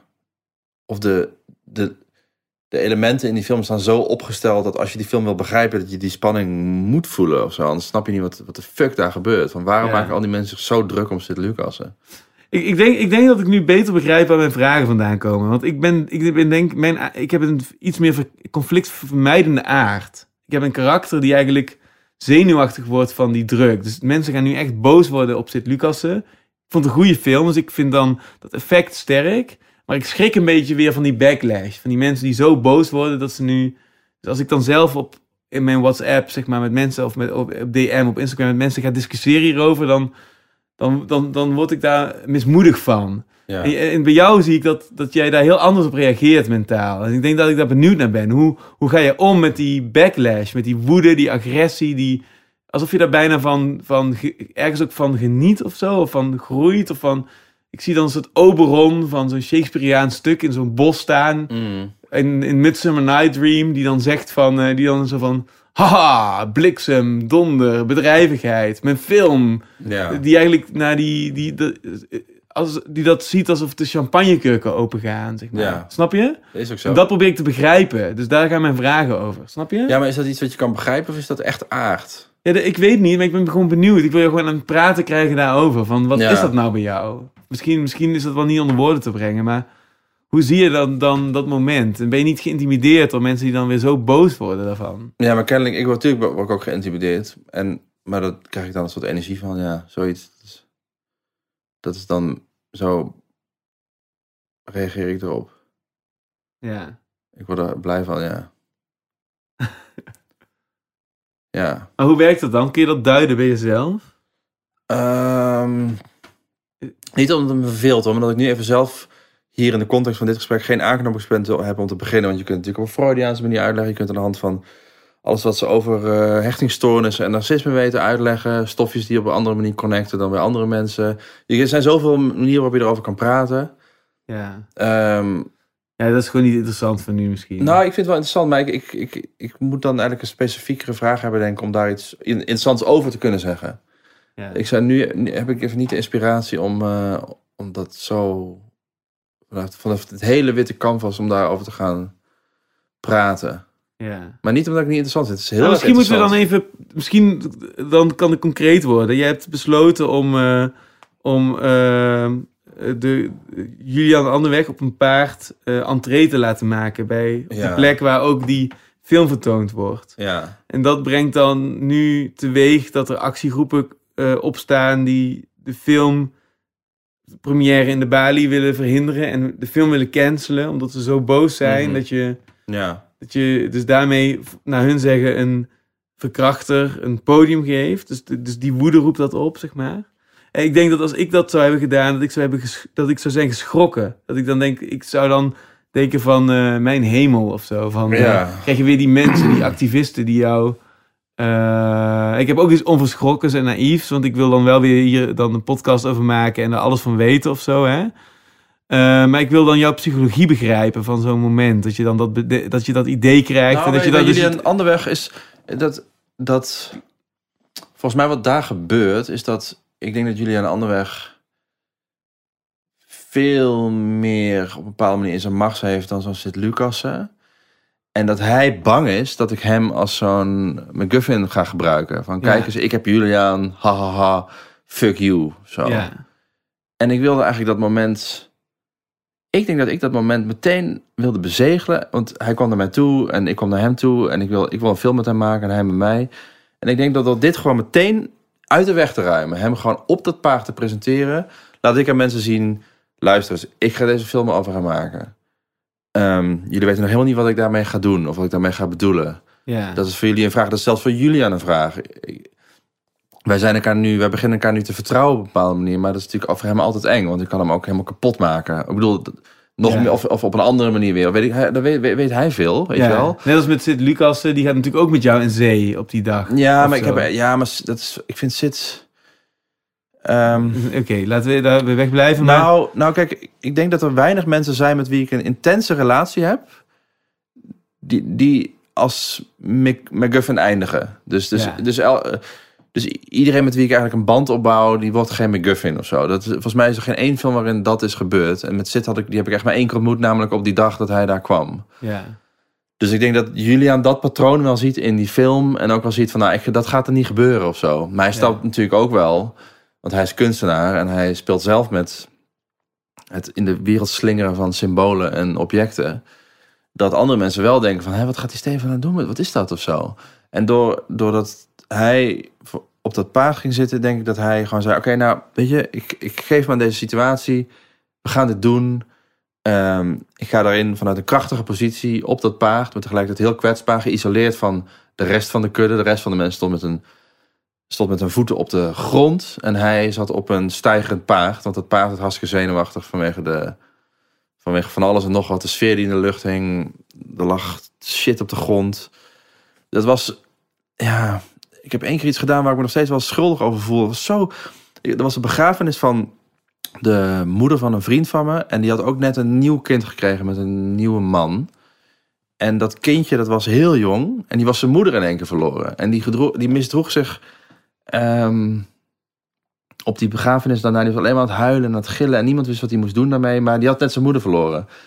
En in een soort stomme opwelling heb ik dat kind opgepakt. Echt een kind van vijf of zo. Ben ik het veld ingerend daarnaast. Dan heb ik hem eigenlijk als het ware 15 meter daar neergezet. En ben ik weggerend. Waardoor hij in één keer daar alleen stond. Alsof ik tegen dat kind wilde zeggen: Kijk, dit, je bent aan het huilen omdat dit nu met jou is gebeurd. Je hebt geen moeder meer. Maar terwijl ik dat deed, deed ik natuurlijk iets heel vreeds. Want het was eigenlijk heel onaardig. Maar ik wilde hem iets, iets laten zien. Ja. En uiteindelijk kwam hij weer teruggerend. Er was niks aan de hand. Maar ik schrok eigenlijk van de manier waarop ik dat kindje wilde confronteren met zijn uitgesloten positie. Ik wilde dat op hem leggen of zo. Dat, is- dat vind ik pervers van mezelf. Maar dat is wel iets wat ik doe. En dat is iets wat ik nu hopelijk in mijn films op een soort van eh, smaakvollere manier doe. Of zoiets. Ja. Eh, en telkens schrik ik ook weer een beetje dat ik dat doe. Of ik schrok toen heel erg van mezelf.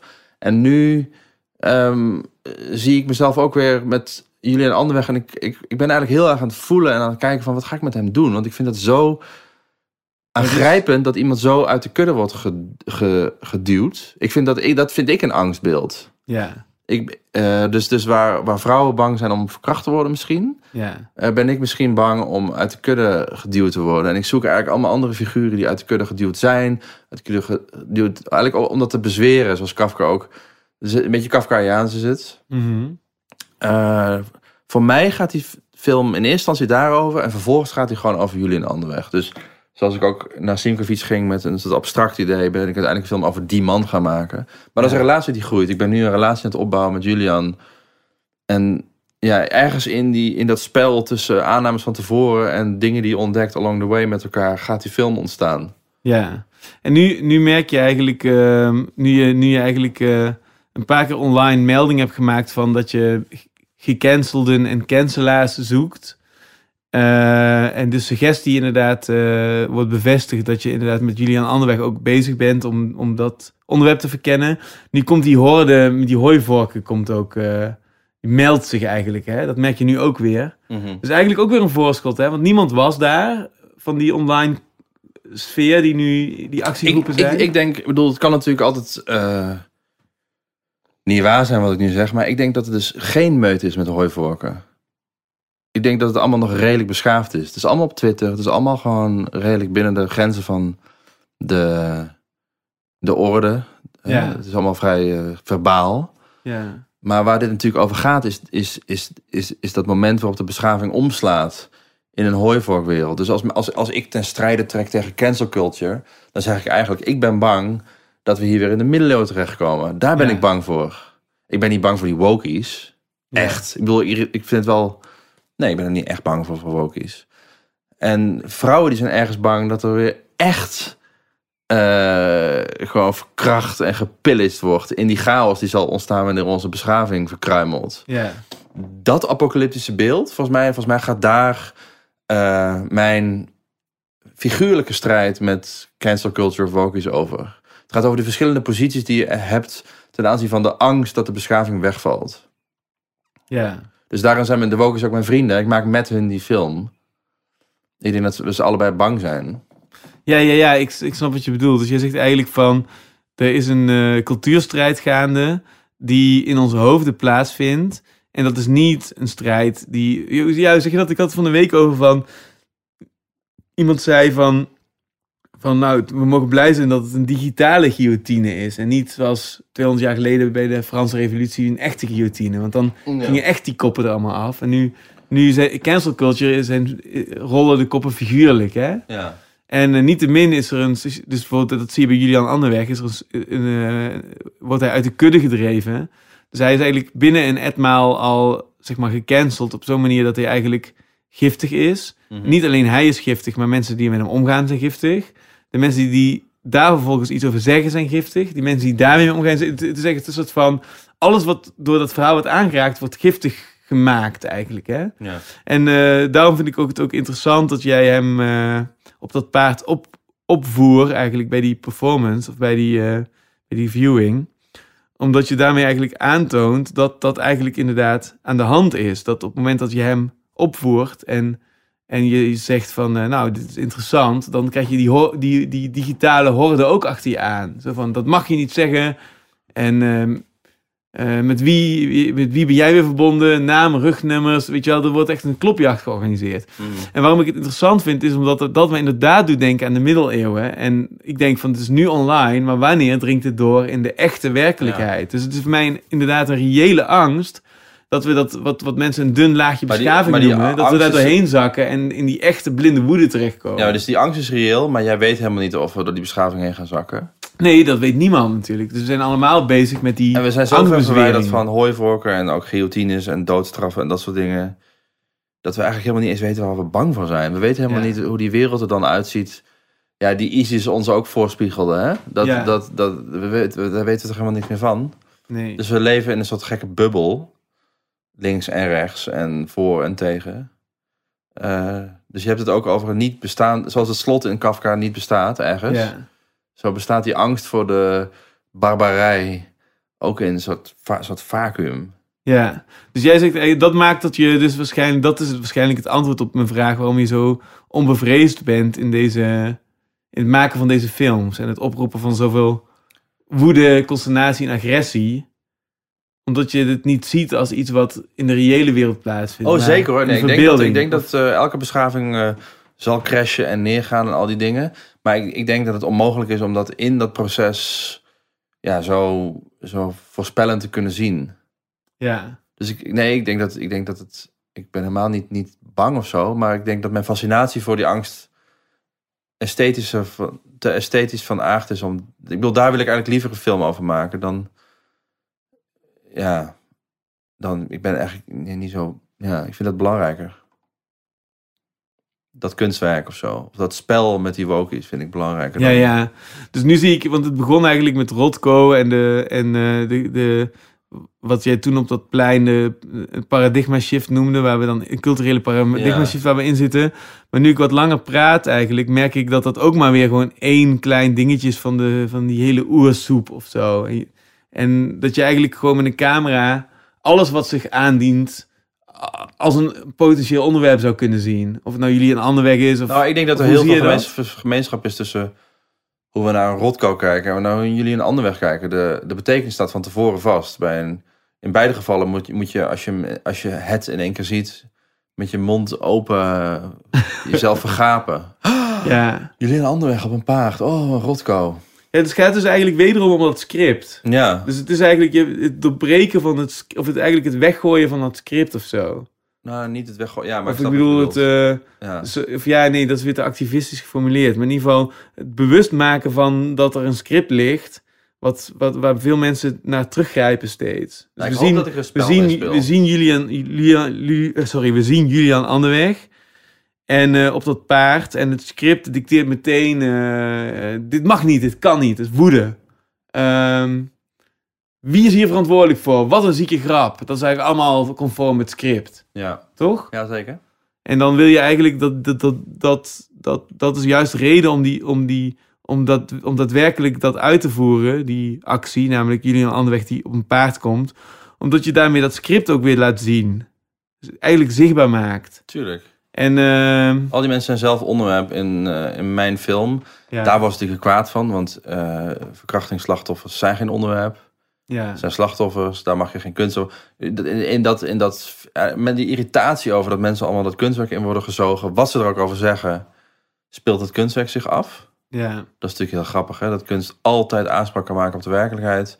En de werkelijkheid altijd kan aanspraak kan maken op het kunstwerk. Of de omliggende werkelijkheid aanspraak kan maken op het kunstwerk. En hoe bedoel je?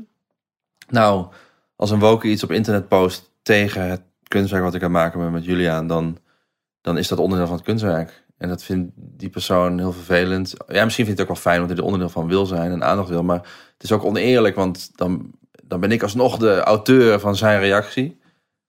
En andersom. Dus eh, ik ben ook een speelbal in, in zijn eh, wereld. Hij kan mij een kant op duwen. Zo, dat is volgens mij wat mensen zo aanspreekt aan, aan kunst. Dat dat kan met, met culturele objecten. Ja, Dat is fascinerend volgens mij. Ja. Ik weet niet wat ik nu aan het zeggen ben, maar... Ik wil, ik weet het wel, maar ik weet eigenlijk niet waar, waar dit de reactie op was. Ik ben het even kwijt. Ja, ik probeer nu te zien. Ja, volgens mij, ik probeer gewoon eigenlijk tot een soort van diepere.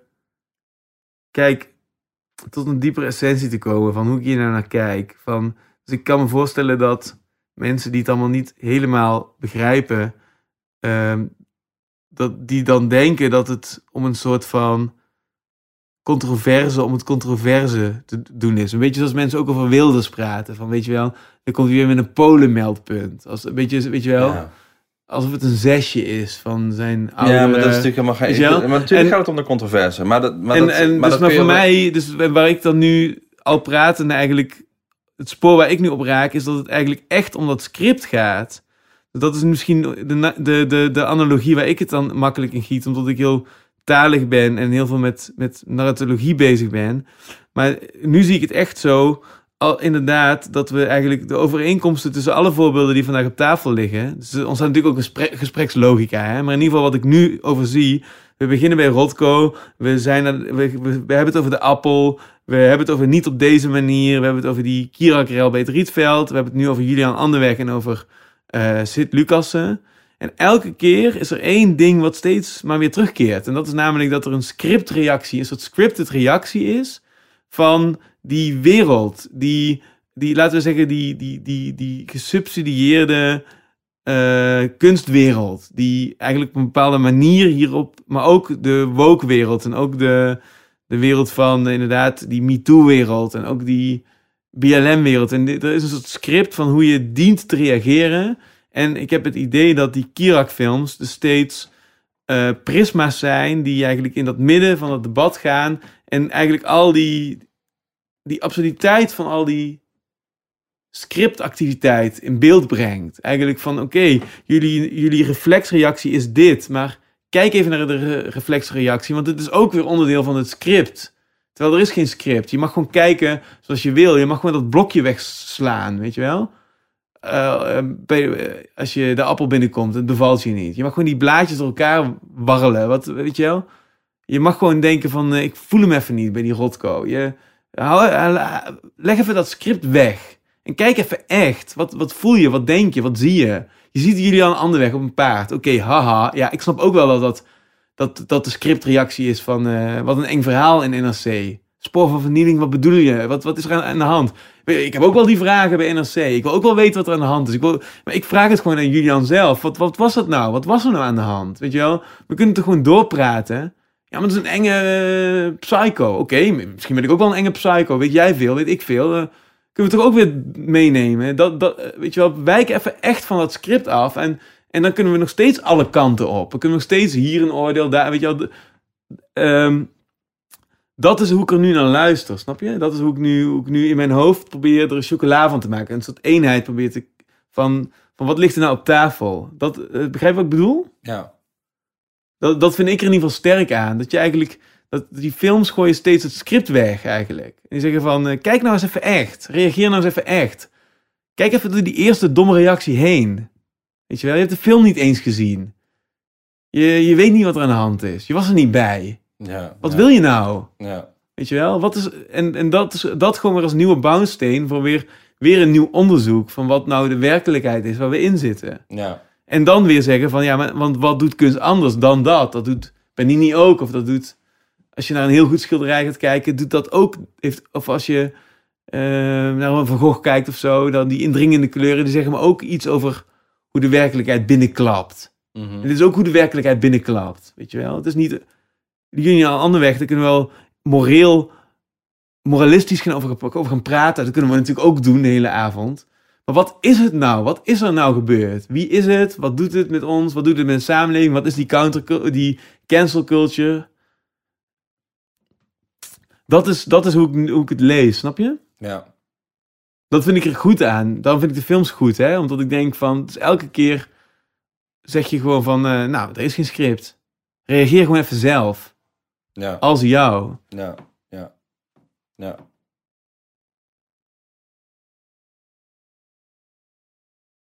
Als ik dat, als ik dat zeg, wat, wat denk je? Oh, echt heel veel dingen. Ik zat na te denken over het woord script en over uh, script weggooien, wat dat is. En de, de aanname dat mensen dat überhaupt zouden kunnen doen. Ja, eigenlijk, ik was een beetje, een beetje postmodern aan het nadenken over het woord script. Toen dacht ik, ga ik, dat, ga ik hier nou iets over zeggen? Dacht ik van, nee, nee want volgens mij is het nu niet uh, zinnig. Uh, ik was aan het nadenken over, over jou. Dus, dus hoe ik ik ben eigenlijk dan nog, ik probeer eigenlijk te begrijpen hoe jij dan weer dingen ziet. Uh, dus ik was dat aan het bekijken en nog een beetje aan het processen. Uh, ja.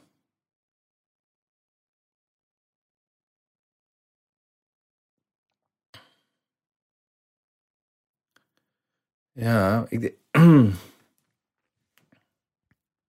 wat, en wat, wat, um, wat zie je dan als je naar mij kijkt, die dingen ziet?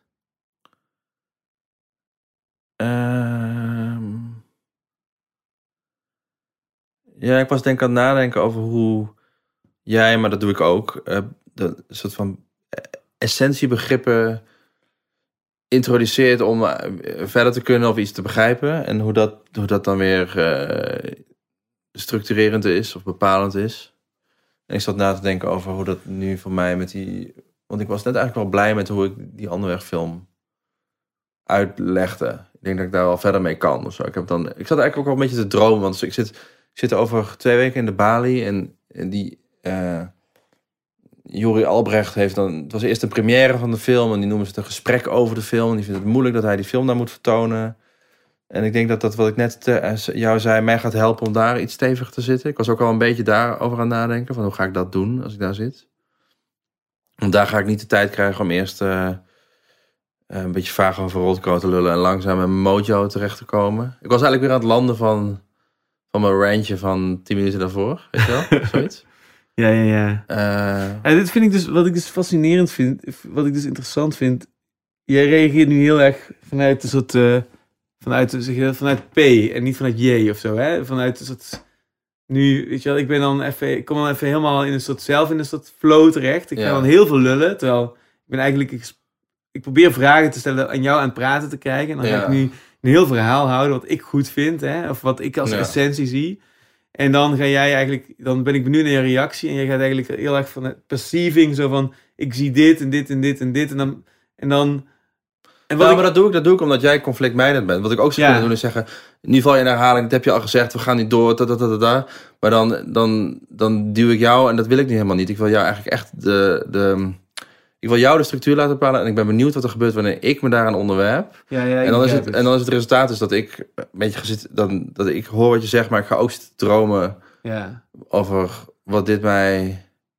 Dus ik probeer die rol uit eigenlijk. ja, maar wat ik dus interessant vind, ik, ik had het laatst volgens mij ook weer over die tweede Kirak, waar dan heel veel mensen destijds al zo boos over waren, die niet op deze manier. ja. En, en eh, diegene die, die citeerde jou, een uitspraak van jou ook, eh, niet, die niet in die film zit, maar wel die jij een keer laatst hebt gedaan. Zo een soort van uitspraak in de richting van, ja, het enige wat ik heb gedaan is dat ik gewoon heb gefilmd hoe iemand bij mij komt en, en die eh, ehm, eigenlijk dat leukentje om best wil maakt. Ja. Eigenlijk van, ik ben niet aan het opnemen hoor. ja. En eh, wat ik vervolgens doe is gewoon, ik bekijk dat, ik kijk dat aan. Dus dat is eigenlijk ook heel erg P-achtig, hè? Heel erg, hoe noem je dat? Perceiving, heel erg neutraal ergens, heel erg fly on the wall-achtig. ja. Maar jij bent natuurlijk intelligent genoeg om te zien hoe controversieel ergens dat is als je dat uit- uiteindelijk edit en uiteindelijk online zet. Dus je bent natuurlijk wel slim genoeg om te zien wat je dat doet. Maar ergens is jouw houding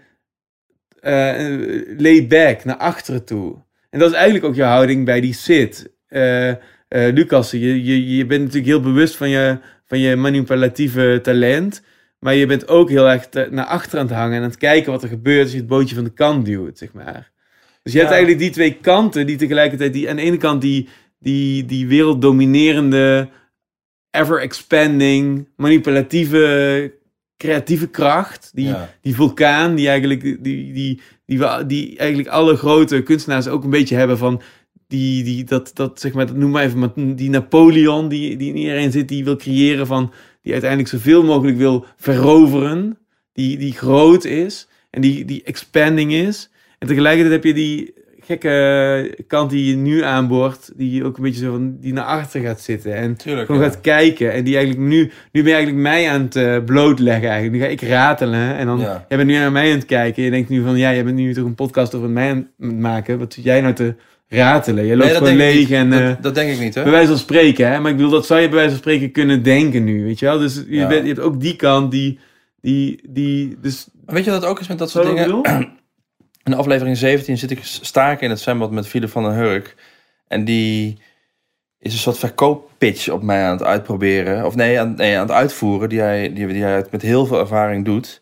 En ehm, daarin bouwt hij een soort memento mori in. Van jij wordt nu ouder en daarom zou je nu eigenlijk dit moeten doen. Over over een tijdje ben je dood en waarom ga je dan nu niet even dit doen?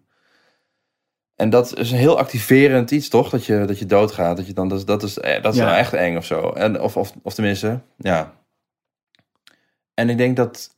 ehm, ik denk dat wij heel boos worden over een, dat je in je blootje in een film zit. Of, of eh, iemand opbelt en het opneemt zonder het te zeggen. Omdat we eigenlijk bang zijn voor de dood. Weet je wel? Dat, dat is soort, ik vind dat een soort van... Ik geloof dat niet, dat dat zo erg is om iemand te filmen terwijl je aan het bellen bent. Eh, en tegelijkertijd gebruik ik dat soort momenten om een mental te creëren bij mijn kijker. Ik wil hem eigenlijk je moet die kijker even dat, dat die angst voor die kudde en voor die, van die beschaving en die dood heel even laten voelen. Want dan gaat hij dat kunst, gaat hij openstaan voor dat kunstwerk. Dus, dus eigenlijk wat Rothko niet doet. Dus dat, dus dat, je, dat je even bang wordt. Hè? Dat je denkt van, oh, dat zal mij maar overkomen. Dat ik dan gebeld word. En ik word dan gefilmd of zo. Of ik word dan blootgesteld. Dat, dat, dat iemand zich daarbij identificeert. Dat, dat, Ja. dat is, Ja, dat, dat kan ook echt de enige angst zijn. Die, die twee momenten zijn heel goede momenten die je er nu uitpikt.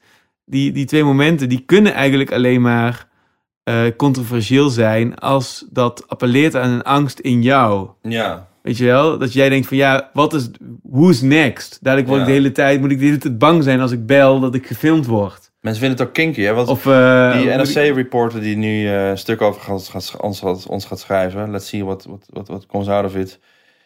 Die voelt zich ook, die, vindt het, die komt dan bij ons en die kan eigenlijk niet ophouden met zeggen van ja, ga je niet, wat mensen zeggen mij dat jij dingen mensen laat doen tegen, ik bedoel, die ze niet verwacht hadden dat ze zouden doen. En die is heel erg daarmee bezig om in dat holletje van ons en die, is ook, die vindt het ook heel erg lekker om dan op zijn hoede te zijn, om dat spannend te vinden. Ja, Dus dat is een attractie. ja. Je bent gewoon een soort spookhuis van mensen. Ja, ja, ja. Inderdaad. En het is eigenlijk heel grappig als jij zegt, eh, nu zo achteruit leunend, hier zo eh, in deze houten eh, bank. Ehm, als je dan zo heel laid back zegt van ja, ik snap eigenlijk de controverse niet. Dat je gewoon iemand filmt terwijl je zegt dat je niet aan het filmen bent. En, en of ja, dat je iemand gewoon seks heeft op, op camera. Ah, ik snap gewoon de controverse niet. En dan kan ik eigenlijk niets anders dan denken van... Ja, nee, ik ook niet. Ik snap eigenlijk de controverse ook niet of zo. En toch Ja. zijn mensen woedend, zeg maar. Ja. En hetzelfde als je nu die, die beelden van Janmaat ziet, snap je? Ja. Of eh, als je nu Pim Fortuyn eh, hoort praten. Ja. Weet je wel, dat in het moment is iedereen woedend. En, en bijna, zeg maar, blij dat, eh, dat Pim Fortuyn dood is, bij wijze van spreken, hè? Nou, dat was dan- zeker natuurlijk. En dan nu, ehm, en dan nu als je, als je dan diezelfde dingen hoort, dan denk je van ja, dat, ja dat, is, dat speelt allemaal in, in, in mensen hun hoofden. En dat speelt in hoofden van mensen die bang zijn. En die zijn bang voor dat het hun zelf overkomt. En daar komt die woede vandaan. Ja. Dat is gewoon zo simpel eh, psychologisch. Ik bedoel, dit zou je aan een kind kunnen uitleggen. Zo simpel is dit mechanisme, zeg maar. Ja. Ja. Bijvoorbeeld, ja, ik zag ook een filmpje van de week voorbij komen van een, van een meisje die dan eh, nu probeert om de, om de vrouwen op te trommelen, feministen op te trommelen, om dadelijk straks eh, voor de deuren te gaan liggen van eh, de balie, om die film te verhinderen. Oh ja? En dat meisje dat zegt dan ook zoiets van, van ja, ik ben zelf ook slachtoffer van seksueel geweld. Hij is uitverkocht, hè? De film nu al. Ja, ja, je kunt ja. geen kaartje meer kopen voor die première. Ja, die moeten nu door die, door die feministen heen, waarschijnlijk. En, eh, maar dat, dat, dat zij dat zegt, is gewoon zo verklarend. Dat, dat is het punt. Zij is zelf slachtoffer van seksueel geweld. Zij ziet niet Julian Anderweg eh, op dat paard zitten. Zij ziet haar eigen aanrander of verkrachter op dat paard Denk zitten je? of zo. Dat denk ik, ja. Ja, dat schreef je ook al in een soort reflectie op die post. Ik ben het eens met dat zij projecteert, maar ik denk niet dat zij de eigen verkrachter op de paard ziet zitten. Ja, maar zij kent het hele verhaal van Julian Anderweg toch helemaal niet? Nee, maar toch, dat, dat, die verontwaardiging, die is, die is er wel, maar dat komt niet omdat ze die verkrachter op het paard ziet zitten. Ja, misschien niet letterlijk, maar ik bedoel... Nee, nee, maar zelfs niet. Ik bedoel, Wat nee, heeft maar- met jou nee, nee, te ik ben niet flauw- Ik snap ben niet je? flauw. Ik bedoel het echt. Ik denk werkelijk dat zij niet eens projecteert. Dat ze niet eens fantasie heeft, snap je? Ja, ja, ja. Ik denk niet eens. Maar daar ben ik eigenlijk benieuwd naar. Ik zou dan moeten spreken om dat uit te zoeken. Uh, Maar ik stel dat werkelijk. Te, de- ik, ik weet het echt niet. Ik denk, ik denk dat het zo banaal en zo fantasieloos allemaal is. En zo zonder. Je beschreef, eh, eh, to- toen die controverse voor het eerst een half jaar geleden opspeelde, toen beschreef je ze als een soort GHB-zombies. Ja, precies. dat denk ik meer. Ik dacht dat het een beetje trollen was, maar jij ziet het echt een beetje zo, of niet? Nou, ik, ik voel me wel aangesproken door dat. Ik vind het wel aantrekkelijk, die gedachte, dat, dat zij dan haar eigen krachten op dat paard ziet zitten. Dat, dat is natuurlijk een veel betere scène in een film of zo. Dat, eh, dat, ik vind dat wel. Eigenlijk te Misschien is dat poëtisch een- al. Nou, niet te poëtisch. Misschien ga ik dat wel jatten van je. Dat is misschien wel mooier dan over die mensen praten als GHB-zombies... die eigenlijk geen fantasie hebben en daarom maar... het meest letterlijke wat misdadig is, namelijk verkrachting of moord... uitroepen tot iets waar we tegen te strijden trekken. Eh, maar dat idee dat ze eigenlijk heel veel fantasie heeft... en heel veel nachtmerries met heel veel verbeeldingskracht... eh, dat is misschien wel, misschien wel een beter voor in een film, weet je wel. Ja. Het is eigenlijk te veel krediet al of zo. Nou, niet te veel. Misschien eh, moeten we die mensen ook wel Misschien moet je een dat... handje helpen om, het, om er helden van te maken. Ja. Ja, die is- wokies, die wokies moeten ook aantrekkelijk worden in die film voor mij. ja. Die moeten groot en meeslepend zijn. Je zegt dit het wokies. Ehm, dat is ook weer Ja, zo'n... eh, whatever, weet ik veel. Ja. ja. Ja. Zombies eigenlijk, hè? Ja. Het is ooit vergeleken met een zombieleger. En dat, dat dekt al de lading of zo. Het is eigenlijk zombificatie van het denken. Ja. En het gedraagt zich ook als zombievirus. Want je turnt echt mensen in dat denken, hè? ja. Dus bij een zombiefilm, wat zo mooi is, is dat iemand dan eh, gebeten wordt. En dan heb je nog een kwartier of zo. Dan kun je net even je arm eraf zagen. En dan, maar dan is het al te laat. En dan verandert iemand ook in een zombie. En dan eh, hebben er steeds minder mensen over. En die moeten dan op daken gaan staan en zo. En Ja. die zombies van zich afhouden. Ja. En dat, eh, dat hele wokeisme is een beetje zo, gedraagt zich een beetje als een, als een zombievirus. Als een zombificatie van het, eh, Ja. van het denken. Ja. Dus een soort groepsrenk, groepsdenken virus. Ja. Dit is dan ook inderdaad, het, de zombificatie is dan, verkrachting is het allerslechtste. We moeten er tegen ten strijde trekken. Ja. Zonder ook maar enige... En wat jij zegt is eigenlijk van, ik wil een film over Julian Anderweg maken. En we, beginnen elkaar te leren kennen. En dus jij probeert eigenlijk open te staan voor de, voor de hele complexiteit die vanaf hier, met die onbevangen blik eigenlijk, die zich voor kan doen. Waar die film ook heen zal gaan. En die misschien ook wel al die gedachten meenemen. En misschien ook helemaal niet. Toch? Ja. Dat is eigenlijk wat je probeert dan. Zo van, ja, laten... Jullie zeggen toch ook altijd dat het een mooi onderwerp is, want jullie zijn niet voor niks zo boos. Laten we er een onderwerp van maken. Ja. En jij probeert het echt als een onderwerp te benaderen. Ja. Zoals ook een portret eh, schilder dat zou doen misschien eh 300 jaar geleden of zo. Als hij een portret gaat schilderen. Ja. Ja, dat Dus de klopt. kleuren gaat mengen. Ja. Klopt. Ja, interessant.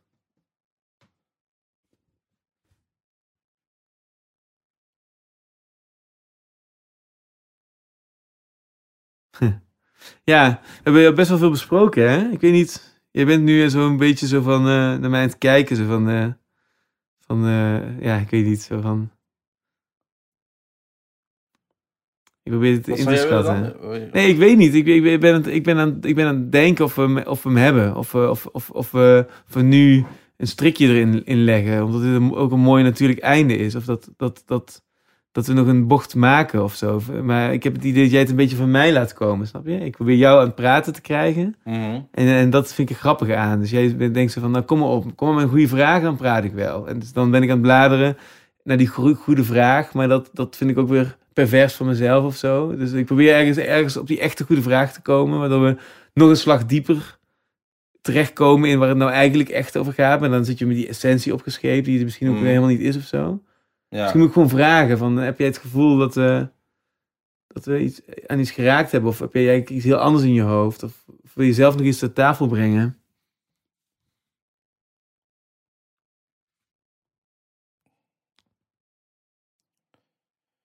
Nou, ik merk wel dat het, dat het een taai onderwerp is, die eh, cancel culture. En die, die, eh, die, eh, die woke ellende. Zo. Dat, en ik merkte net toen ik er met jou over sprak dat ik er eigenlijk heel veel zin in, zin in heb. Eh, om dat taaie onderwerp eh, los te masseren of zo. Dat ik, dat ik dat... Dus ik ben eigenlijk wel tevreden. Ehm, daarmee, met dat moment zo. En eh, ik, heb, ik heb eigenlijk zin om dat terug te luisteren en even te kijken wat ik daar nou precies zeg en hoe ik dat, hoe die, hoe die, hoe ik dat opbouw. Weet je wel? Hey, Kriek, was het Rietveld, die Rietveld-reld, was dat nou het eerste moment dat jullie zelf in die cancel culture gezogen werden? Of was dat iets wat je ook zelf al jarenlang in het vizier had toen? Of werden jullie echt letterlijk vanwege die rel in die cancel culture eh, logica gezogen? Nou, wij hebben dus die, ehm, die monocultuur eh, veel eerder vanuit het perspectief van abst- abstractie en activisme in de kunst gezien. Dus die link tussen abstracte kunst en, en, activisme. Eh, en op dat moment kwamen al die dingen samen. Dat was, dat was heel leuk daaraan, of heel, heel, heel prettig. Eh, want voordat, ik bedoel, dat, dat activisme in de kunst, dat was er al 30 jaar. En eh, die ontwikkeling in abstractie in kunst was er ook al 30 jaar. En dat die Elgin Marbles terug moeten naar, eh, naar Griekenland, dat is ook al heel lang een discussie. Maar nu, met, eigenlijk op dat moment kwamen echt al die dingen zo samen. En wij werden zelf ook eh, subject of een, of een bal in dat, in dat spel. Eh, en dat vond ik toen heel prettig, omdat het daarmee zich materialiseerde. Dat, dat kan ik me herinneren, dat dat, dat toen heel erg voelde. Maar vanaf dat moment is het voor mij ook een soort prisma geworden, wat weer open is gegaan. En weer, het moet nu, dat, is, dat hebben we nu ook gehad, hè? Dat, dat, dat dat even heel duidelijk werd dat dat aan de hand was in cultuur. Dat er culture wars was. En natuurlijk Trump was een belangrijke, ehm, belangrijke figuur, omdat dat heel, dat, dat, dat, dat teken daar te hebben in Ja. de lucht. En nu zitten we eigenlijk weer in de chaos van, oké, dat is nu kraakhelder. Er is een soort probleem, een soort culture war aan de gang. Er is iets weirds aan de hand. Maar nu, nu wordt het eigenlijk alweer allemaal weer vaag. of Zo. Omdat, het, omdat het juist zo gedefinieerd is geweest, zoiets. Wat nu? Zo. Ja, dus nu, nu is het een beetje zoals een kip waarvan de kop is afgeslagen en die nog wel een stukje door blijft lopen. Nu, nu, nu loopt die Ja. kip door of zo en die kop ligt eraf en je... Ja, en die begint weer nieuwe koppen aan te groeien. Zo'n Ja. meerkoppig mo- kip wordt dat nu. Ja, Dat, dat, is, dat vind ik heel fascinerend. Zo, daar, daar zit ik nu in. ja. Volgens En mij... het, het is ook niet meer toereikend om in die, in die logica van wat dan cancel culture is of zo, om Nee. te blijven... de- want je, je merkt ook dat als je, als je er zelf grip op krijgt, dan ontstaat er ook eens meteen een moeheid om erover te praten of zo. Dat zag Ja. ik eigenlijk ook al in die, in die aflevering die dan over cancel culture ging, die jullie dan hebben gemaakt. Dat je zelf ook weer je betrapt op je eigen ja, vermoeidheid over het serieus nemen van het onderwerp. ja, En inmiddels heb ik dat zelf bij mezelf ook, ook meegema- meegemaakt of zo. Dat je dan nu weer een nieuwe generatie aantreft die zeg maar geredpilled is in dat er cancel culture is. En dan zelf argumenten beginnen te geven. En dat je al merkt hoe saai het eigenlijk is om erover te praten of zo. ja, En terwijl er toch iets aan de hand is. En dan moet je dan weer doorheen kijken. ja. En wat is het dan? En dat spel heb je het dan toch over? Dat dat... dat, dat Ja, dat is, al die processen had ik nooit verwacht dat die zouden optreden. Of, of zoiets als Trump-moeheid of zo. ja. De laatste zaten we in Tesla toch beelden te kijken van, oh, toen was je alweer weg, geloof ik. Maar Nee, dat die- klopt. Ja, ja. ik herinner me.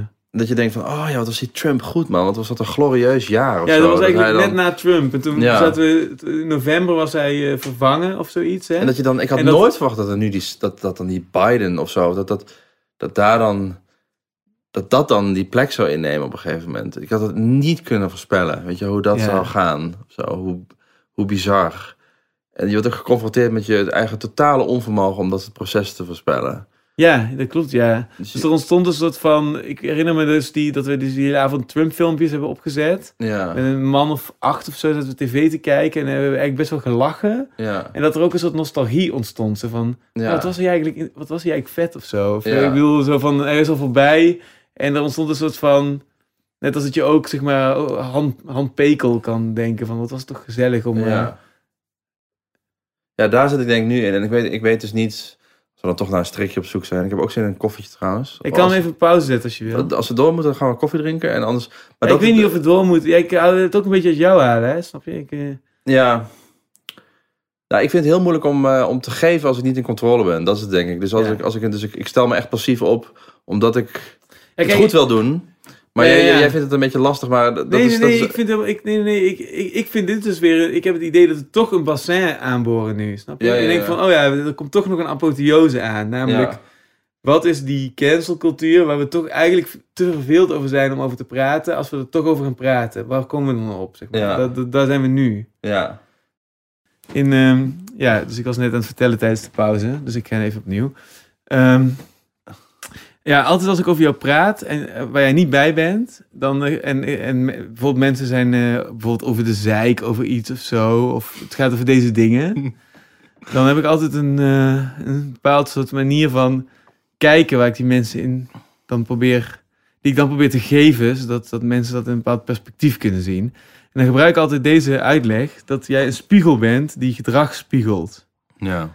En ehm, dat is interessant. Dat vind ik dus, dus dat, daar kun je eigenlijk altijd op varen. Dus als je, ja, dus jij zit- dus bent in een ruimte en je spiegelt gedrag en mensen worden boos. En die worden dus vervolgens boos eigenlijk op zichzelf, omdat jij een spiegelbeeld van die mensen maakt. Ja. En ze vechten dus eigenlijk net als Don Quixote tegen spoken, zeg maar. Of tegen eigenlijk windmolens, tegen zichzelf. Ja. En dat laat je eigenlijk zien. Dus jij bent eigenlijk heel erg... eh, je kan heel snel schakelen. En in één keer zo bam, iemand... Ook als iemand heel erg veel... Snap je dat je best wel... Ja, je, je, je hebt best wel een stevige fysiek. En, eh, en je hebt improvisatietalent. En je kan stevig je lichaam in de strijd gooien. Dus je kan ook... Je hebt best een breed arsenaal van, om mensen te spiegelen Ja. eh, daarin. Dus je kunt heel snel shapeshiften eigenlijk. En dus in die zin denk ik altijd van, van mensen die boos worden van... van moet ik altijd een beetje lachen dat mensen daar dan intrappen. En dat ze daar dus niet doorheen kunnen prikken, snap je? Ja. Alleen waar ik niet op gerekend heb in dit gesprek... en dus nu kom ik eigenlijk tot mijn conclusie... wat grappig is in dit gesprek, vind ik... is dat je het dus ook bij mij doet. En dat ik nu dus een hele rustige... Ik zit eigenlijk in best wel een goede fase nu. Ik zit best in een rustige golf in mijn leven. Ik word rustig van al die lange gesprekken Ja. ik vo- voel me in mijn kracht staan. Ik voel me er goed bij. Ik, ik, ik probeer me te luisteren naar anderen. Ik probeer me door het ego heen te breken en dat wezen erachter ruimte te geven. Ja. En nu spiegel je eigenlijk mij en je wordt rustig.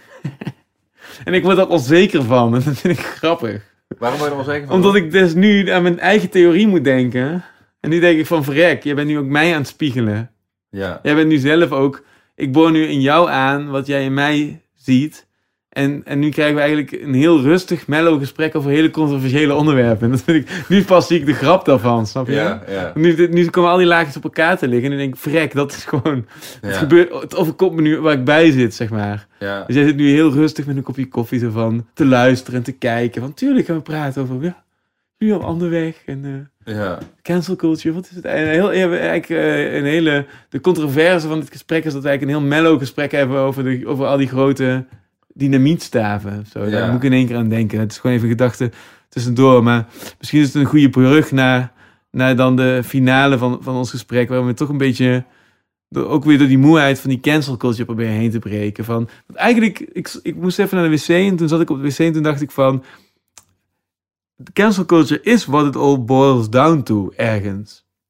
Of je nou BLM's volgt, of LGBTQ, of COVID, of klimaat, of bla bla. Het is de hele tijd uiteindelijk hebben we een cultuur gecreëerd die grotendeels een online cultuur is. In een sociale orde waarbij cancelen, reputatieschade, tuchtiging en een betere wereld moeten opleveren. En in die, in die dynamiek, in die perverse dynamiek, daar zitten we naar te kijken en daar zitten we in. Ja. En er zijn mensen die, die van die orde die een goede positie hebben. En die zeggen cancel culture bestaat niet. En er zijn de mensen die gecanceld worden, die zeggen jawel, eh, enzovoort. En, Ja. en er is een soort vermoeidheid om erover te praten of zo. Want ja, wat moet je erover zeggen? Ja. En, en daar kijken we nu naar. En ja, dat is misschien een mooie...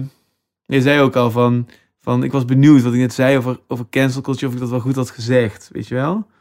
Wat, wat had je gezegd? Jij zei net aan het einde, voordat we, voordat we de pauze ingingen, zei je van, daar, daar zijn we ook geëindigd, dat jij dat bij jezelf afvroeg, of je iets wel, of je dat, jij, of je dat scherp had gezegd, dat over die cancel culture ging. Dus Ja. zo, zo komt dat onderwerp nu ineens op tafel te liggen.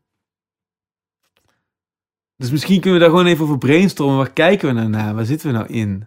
Waarom is dat? Waar, wat, waar, waar, waar- waar- ja,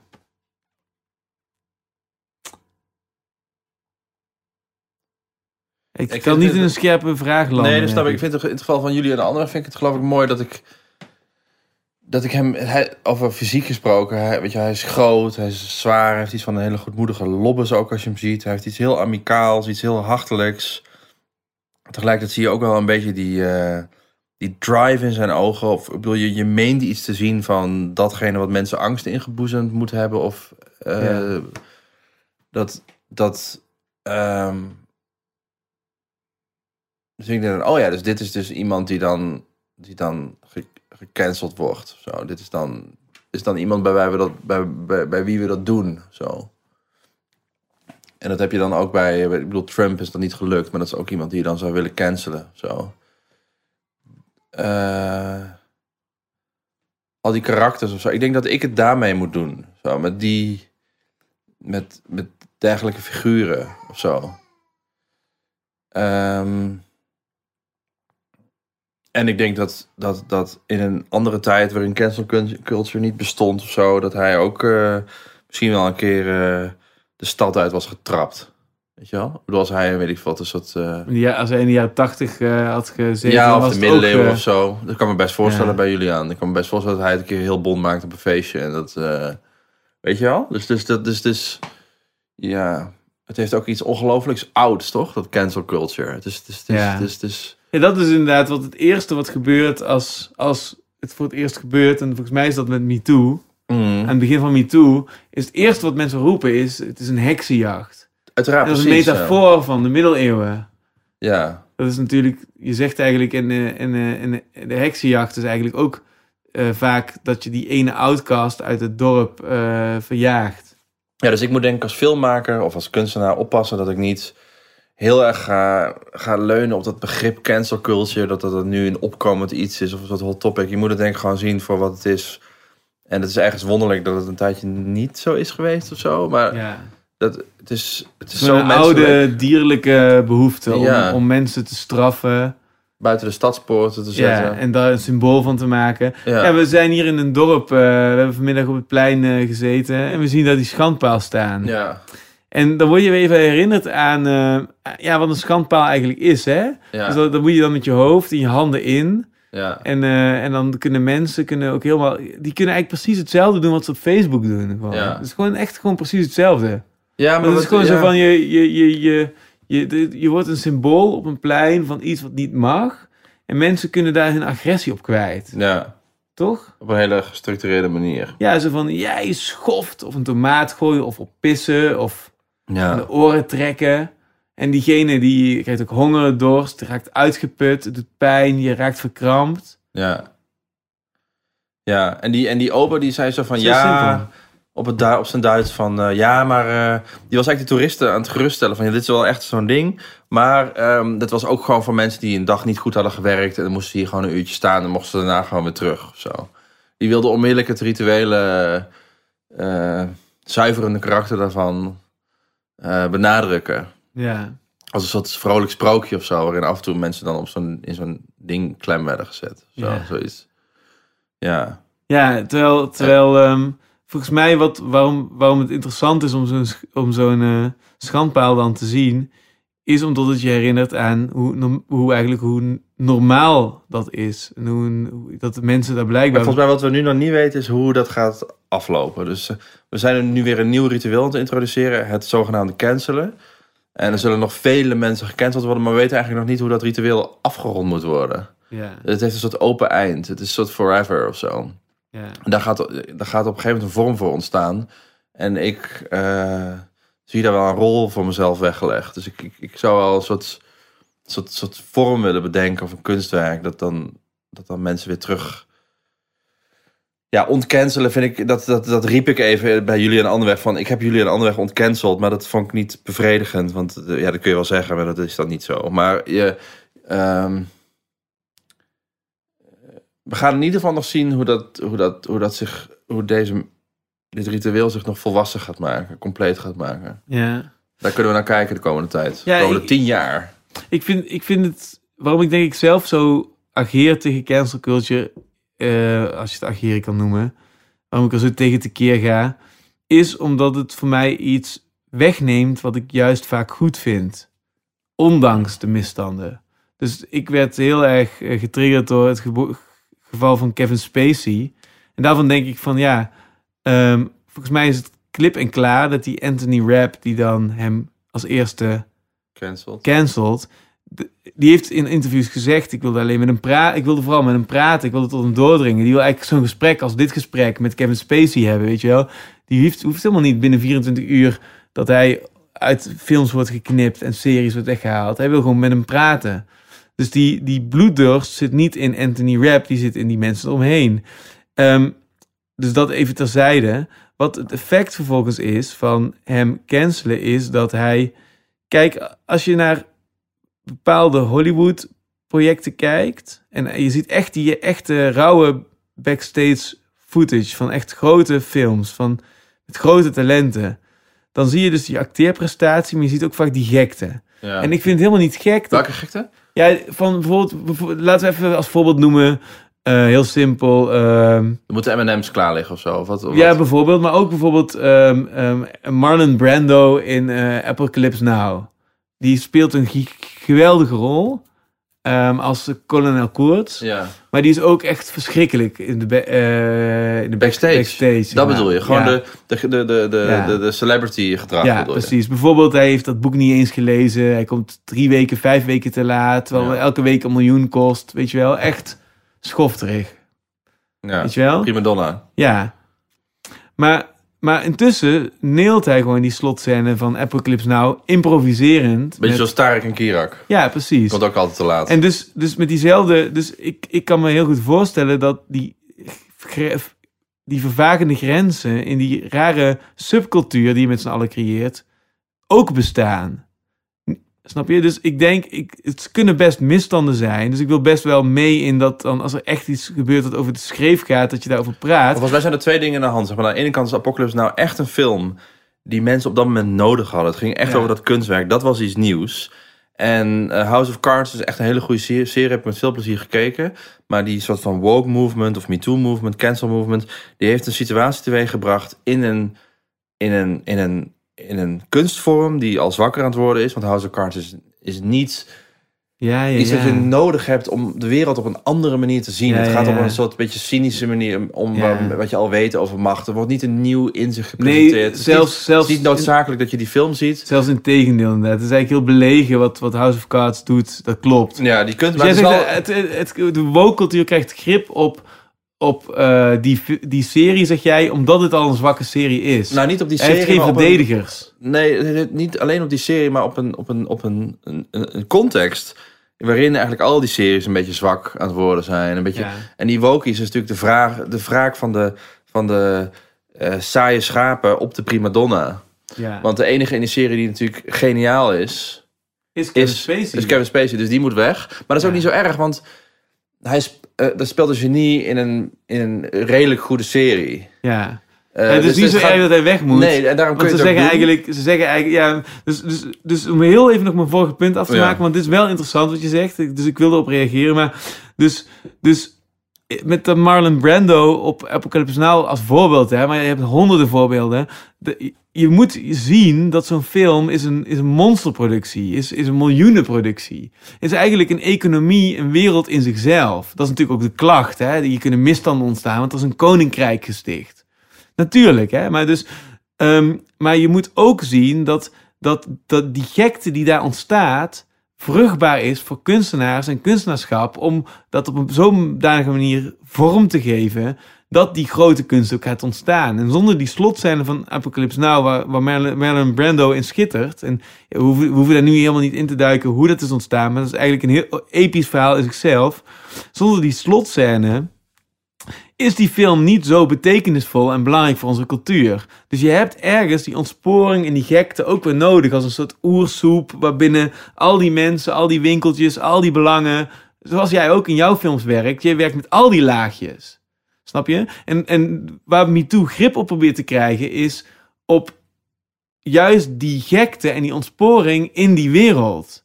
Terwijl natuurlijk moet je misstanden misschien aankaarten als je dat heel belangrijk vindt. Maar je moet niet ehm, de, dat hele proces steriliseren. En ik vind cancel culture op zo'n manier eh, eh, grip krijgen dat het een sterilisatieproces is van die hele cultuur.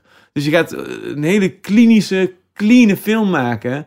eh, omdat niemand meer, ook maar met niemand, een machtsrelatie kan ondergaan. Of weet Ja, je wel, daarmee, al die dingen. daarmee composteert het zichzelf ook, toch? Het wordt Ja, olie. zeker, zeker, zeker. Dus dat, dat is eigenlijk. Ik wil alleen een- even, even sorteren waarom ik zelf zo, zo ageer tegen die cancel culture. Omdat ik dus daadwerkelijk zie dat het dus eigenlijk de dood in de pot is voor goede kunst. Maar jij zegt eigenlijk, en dat is eigenlijk een goed antwoord van. ehm, Dat proces Ja. was al in gang ja, dus eigenlijk is het al een zwakke serie. Het enige wat echt goed is in die serie is Kevin Spacey. Ze cancelen hem, maar ze zeggen eigenlijk tegen Kevin Spacey... je kunt beter ergens anders heen gaan, want hier is een dode cultuur. Dit is wit koraal. Het koraal is gestorven. Ja, en, en, en ik, Toch? ja, ik vond het eigenlijk teleurstellend dat die filmpjes die hij daarna nog één keer per jaar met kerst of zo uitbracht, dat die saai waren. Ja. Ik, ik nodig Kevin Spacey bij deze uit. Om iets met mij te gaan doen. Ik heb een interviewverzoek een keer ingeduwd, eh, gediend, maar ik heb nog geen. Nee, maar, dat, ja, maar dat, dat, daar is dan de afstand nog steeds te groot voor. Dus hij, hij is wel naar beneden gevallen, maar niet zo laag als Kirak. Maar, ja, ja, dus, hij, eh, dus hij is eigenlijk niet naar beneden gevallen. Hij is gewoon ergens. ja, en hij is natuurlijk multimiljonair en zo. Ja, ja. Dus hij hoeft helemaal niks meer. Maar het zou, het zou kunnen. Ik denk, ik, het is... Ja, maar, dit- maar dus nu, nu, ik wilde heel even mijn, mijn, eh, mijn, mijn ding uitwerken, maar nu wil ik eigenlijk meer weten over wat je daar zei. Van, jij zegt eigenlijk van, er is die cancelcultuur, die, die woke mensen, die krijgen grip op de samenleving, waar die samenleving, of die cultuur zwak geworden is. Ja. Is dat iets wat een, echt een patroon is? Of is... Eigenlijk zeg je dat als, als House of Cards zo goed was geweest als Apocalypse Now had de serie Verdedigers gehad van Kevin Spacey. Ja, geloofs, gelovigen. Ja, Want, want House of Cards is iets wat de zombies kijken naar hun werk. Die ja. gaan echt niet House of Cards verdedigen. Die wachten gewoon tot er weer een nieuwe serie komt die zich redelijk, komt, die zich redelijk vermaakt. Ja, precies. Die willen gewoon, dan gaan ze wel Downton Abbey kijken. Niemand zo. gaat sterven voor ehm, House of Cards. Maar volgens mij zijn er wel mensen die willen sterven voor Kirak. Ja. Nee, dat weet ik niet. Maar Nee, maar dat klopt. Dus dat was zo goed aan, dat, aan vorige week, aan jullie eh, event. Dat daar mensen waren die echt, echt begeesterd waren. En Ja. passie hadden. ja, En dat is inderdaad wat mensen nog steeds hebben voor Apocalypse Now. Ik zit nu opnieuw weer enthousiast over die film te praten, weet je wel. ja, Dat is omdat het gewoon echt een vet film is. Echt een goede film is, weet je wel. ja, Valt het vanmiddag over Kubrick. Dat is gewoon Ja. echt een goede regisseur. ja. Dus, dus dat, is, dat is ook wat ik een beetje...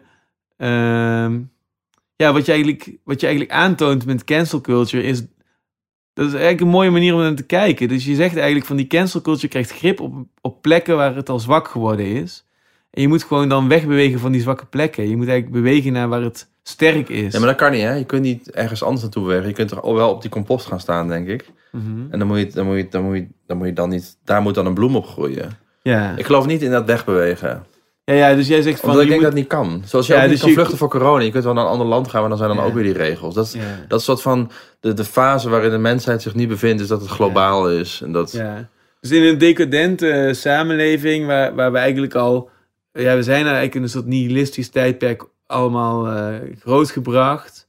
Dan krijg je 9-11 en dan, dan moddert het nog heel lang door. Dan is eigenlijk heel veel cultuur zwak of niet goed genoeg. En dan, eh, en dan krijg je de economische crisis en dan wordt alles onder een kook, snelkookpan in de snelkookpan geplaatst, want er is minder geld. En dan krijg je dus excessen en teleurgang. En dan krijg je Trump en Brexit. En dan krijg je counterculture en cancel culture en wokies en stress. En dat is allemaal, dat composteert allemaal. En het enige wat je kan doen is dat weer vermalen tot iets nieuws. En dan hopen dat daar weer bloemen op groeien. Is dat, is dat hoe je... Nou, niet hopen. Je bent, je bent, je bent op zoek naar specifieke elementen in die compost waarmee je iets kan maken. Of, ja, Ja. Ik, ik, heb, ik, ik denk dat ik zelf heel vaak met lokaliteit bezig ben. Gewoon wat, wat, wel- welke lokaliteit wel overleeft of zo. Of wel, wel bestaat nog, zoiets. Wat bedoel je dan? Nou ja, een, een van de effecten van dat Hollywood eh, waardeloos is aan het worden is, is, dat, is, dat, eh, is dat ik er ook niet meer heen hoef of zo. Weet je wel? Ja.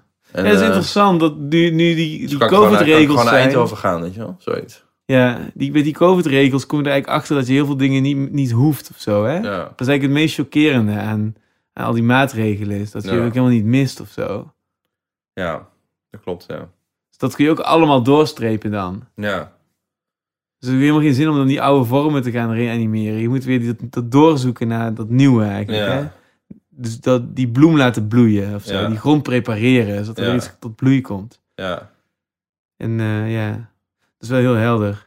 Ja, en dat is eigenlijk bij jullie gebeurd door dat eerste filmpje met eh, bij de appel. Daar ontstaat. Daarom ben ik ook zo benieuwd als net aan hoe, de, hoe dat moment was, snap je? Want dat is voor, voor mij zo'n duidelijk zo'n zo'n bloem, zo'n bloempje wat dan begint te bloeien op die composthoop. Ja. Dat was het voor mij in ieder geval toen ik die eerste Kirax films zag. ja. Toen dacht ik, weet je wel, ik was, ik was met de snijtafel bezig en jij sprak me daar toen nog eh, op aan. Zo van, eh, laten we...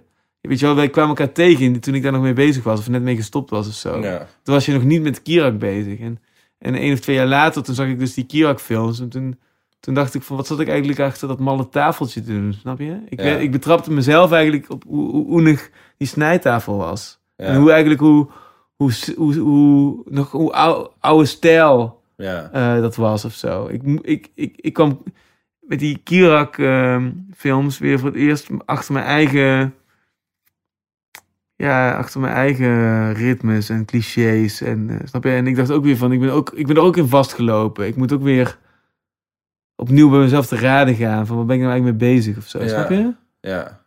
En dat, daarom dat ik die, die eerste momenten, die eerste filmpjes van Kirak... dat zijn eigenlijk weer nieuwe bloempjes. Die ook weer Ja. zelfs over de snijtafel heen groeien. Wat alweer oud geworden is, snap je? Ja.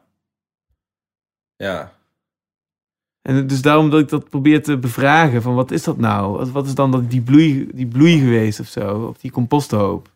Nou, Snijdaal Maar en Kirak lijken natuurlijk op, op elkaar in de zin- omdat ze kritiek geven en omdat ze allebei het gevoel hebben dat ze iets vast hebben wanneer ze iets beetpakken uit de, uit de sta- van de status quo. Dus als de snijtafel dan de wereld rijdt door, een populair Nederlands televisieprogramma vast heeft, dan hebben ze het gevoel, oh nu hebben we iets te pakken. Of ik heb dan het gevoel dat ik iets vast heb wanneer ik, eh, weet ik veel wat, een Nederlandse kunstenaar eh, vastpak.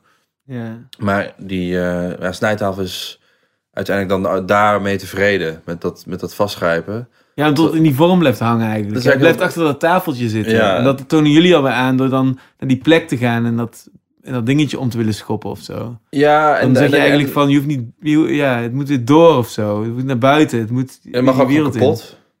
Ja, terwijl ik denk de droom van Casper, van die dan snijtafel edit, volgens mij, heet ze Casper toch? Ja, Dat is, die, dat is toch wel dat die wereld dan goed wordt of zo. ja. Die, is niet, die is niet uit op vernietiging. Ja die, wil, die wil gewoon die wereld maken, Ja, gewoon repareren. repareren. Ja. Ja. Jij Ja. wil eigenlijk vanuit die kunstenaarsprincipes dat weer helemaal opnieuw herscheppen. Of misschien moet ik het anders vragen. Is, is het begin, die allereerste Kirak, is dat wel het begin geweest? Of, of is dat bloempje, dat moment dat je echt dat bloempje ziet bloeien op die composthoop, is dat later geweest? In, in, in een van die vele afleveringen? Of is dat nog steeds niet gebeurd? Of, Nou, dat, dat bloempje, dat is de relatie tussen mij en Kate. Dat is dat, dat, daar is dat uit ontstaan. Wij, wij, wij- Ja. Kennelijk konden wij samen eh, soep maken of chocola maken of dat bloempje maken van die, van die, van die compost of zo. Hè? Dat Ja. werd, werd, werd specifiek. Ik denk gewoon in de lichamelijkheid van Kate in zo'n ruimte bijvoorbeeld. Of in wat zij zei, of, of mijn lichamelijkheid in die... Dat, wij, wij, wij, wij werden in één keer eh, helden in dat, in dat verhaal. Ja, ja, ja. Voor en achter de camera. Ja, dus het gaat in één keer jouw gekte of jouw, jouw expansiedrift krijgt ineens een uitgekristalliseerde vorm. Ja. Zodra jij jou gaat richten op Kate. En in één keer werkt dat in jullie Ja, gezamenlijke dialectiek of zoiets. ja, ja. En, en, ja, precies. Dus dat is eigenlijk... En, is dat een vanzelfsprekend moment geweest? Of was daar schroom bij haar om daarin mee te gaan? Nee, nee, nee, Katie wilde... Nee, nee ik ook, ook geen schroom. Eh, ja, laatst zat ik te kijken naar hele oude footage. We hebben ook nog een film proberen te maken in Afrika over rotschilderingen. En die is nooit afgekomen. En toen zag ik twee mensen zitten voordat Kirak er was. Die eigenlijk nog heel erg aan het zoeken waren naar een rol. En ik zat nog in... Ik was toen nog kunstfotograaf. En zo gedroeg ik me ook. En Kate was nog eh, soort eh masterstudent, eh, potentiële PhD-kandidaat. Je, je, je, werpt die, die, die, die, die, rollen van je af die je onnatuurlijk voelen en doet er eigenlijk een nieuw jasje aan, een nieuwe jas aan. En wat ja, maar, ja, en dan. totdat die past of zo. Je bent, dat, Ja. zoiets, zoiets ben je aan het doen. Maar ja, dat is, dat is misschien een beetje een obligaat eh, verhaaltje. Ehm, Ja, nee, helemaal niet hoor. Helemaal, het is helemaal niet... Kijk, kunstenaarschap gaat over dat je allerlei kunst, kunst dat je alle, van allerlei dingen probeert. Tot er, totdat er uit, vanuit die kunstmatige toestand iets natuurlijks ontstaat. Want wij, Ja. wij, noemen onszelf art critics. Dat is natuurlijk helemaal niet waar. Maar ik, ik wist al meteen dat dat een leugen was. ja. Eh, maar dat was wel een goede leugen. Dat gaf ons heel veel energie om gewoon art critic te noemen. Zo. Ja. ja. eh, En waarom? Ja, omdat art critic gaat uit van een soort objectiviteit en een soort bijdrage aan het systeem le- le- leveren. En een kunstenaar die maakt een braaf kunstwerk en dan gaat de art critic er iets over schrijven en dan blijft dat systeem mooi in stand of zo. Dat gaat uit van dat je dat systeem waardeert. En om dan eigenlijk zo, eh, zo oneerbiedig daarmee om te gaan, dat, dat, ja, dat geeft energie. Ja, ik snap het, ja. Ja, het is heel interessant. Ja. Ja, dus in die chaos, in die composthoop van... Het is eigenlijk heel mooi om ehm, House of Cards eigenlijk al, die serie al als onderdeel te zien van dat, eh, dat, dat, die, dat, die vergane glorie, van de, Ja, van nog- Hollywood-idee een beetje in verval. Ik vond ook inderdaad, ik vond ook in de eerste seizoen ehm, vermoord ehm, het personage, eh hoe heet die, Journalist. Underwood, vermoord een journalist en daarna nog iemand, of eerst iemand in een garage en daarna de journalist die dat op het spoor komt. En dat vond ik al zo leem eigenlijk. Toen dacht ik al van ja, een, een- als je een politieke satire maakt, Ja. dan wil je eigenlijk niet dat jouw protagonist bloed aan zijn handen heeft. Want dan is het dan niet meer iedereen. Dan Dat is een gewoon- verheerlijking van, de, van, van Bill Clinton en van Hillary Clinton. Ja, Die perversie van, eh, van Bill. ja, Terwijl we midden in het Trump-tijdperk zaten. We- ja. Maar dat, ik, vond, dat vond ik niet erg hoor. Ik, vond, ik, bedoel, ik snap ook dat we pas over tien jaar een goede serie over Trump kunnen zien. Of over twintig jaar. Nee, maar ik bedoel, volgens mij was het wil wil wil ehm wil House want House of Cards was al iets eerder. Hè? Ik denk dat 2013 eh, dat begon, 2012 Ja. of zo. Dus wat wat volgens mij wat je wat zij willen is, het is ook een remake volgens mij van iets uit de jaren 60. En wat ze dan willen is ehm, het machiavellisme van de politiek laten zien. Ja. Het eh, doelheilige middelen. Ja, Het eh, er zijn er worden spelletjes gespeeld. ja, De openingsscène, hij vermoordt een dier. ja, Deze man heeft, eh, ja, die, die stapt over lijken. ja. Dat doen mensen in de politiek. Ze, Ja. ze lijken voor onze belang op te komen, maar er zijn andere dingen aan de hand. Dat, dat is dan de pretentie, hè? ja, Nou, heel mooi of zo. Alleen, dat gaat eigenlijk al uit van onze domheid als kijker. Want ja. we zien natuurlijk dat, als, we, als je alleen al naar nu naar Hugo de Jonge kijkt of zo, dan is er natuurlijk iets heel anders aan de hand. Wat, is nou echt aan de hand, snap je? Dat is helemaal niet het doel. Weet je wel, dat is helemaal niet dat machiavellisme en dan even een...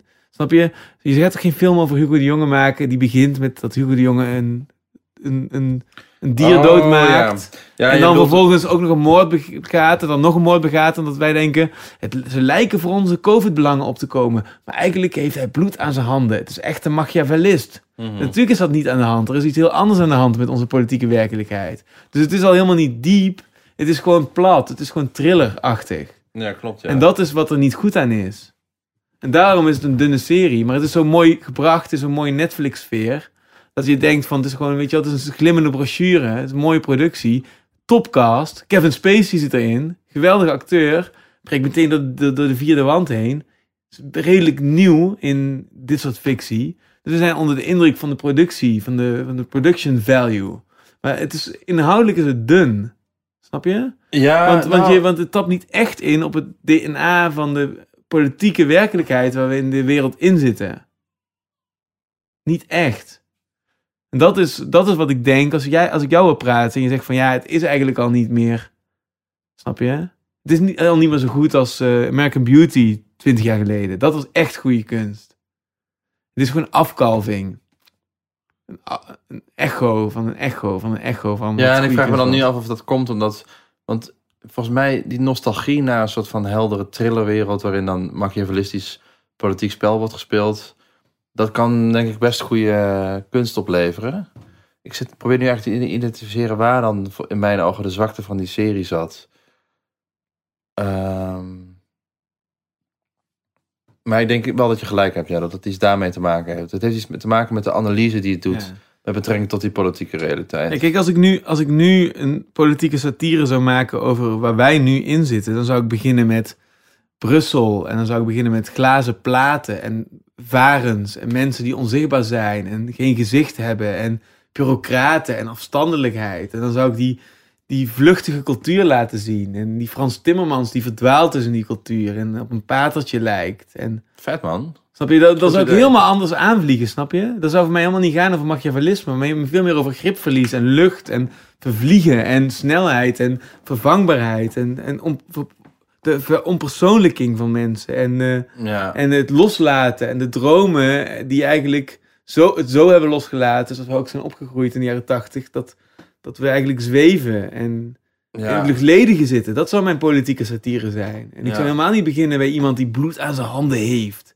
En die gnaag, gnaag, gnaag, niffelend rondkruipt en manipuleert. Dat is toch geen politieke satire? Dat is helemaal niet aan de hand. Nee, daar ben ik met je eens. Ik denk dat, maar ik denk, ik, ik zag dit ook niet als een politieke serie, maar ik zag het inderdaad als een, als een romantische serie. Maar de, ik ben, ben het wel met je eens dat het heel interessant zou zijn om, om, want wat jij nu beschrijft is ook weer een vorm van romantiek. Dus die geanonimiseerde politicus, die vreemde Hugo de Jonge die zelf niet weet wat het is. En Rutte die een veel hoger bewustzijnsniveau hebt, of zo'n Timmermans.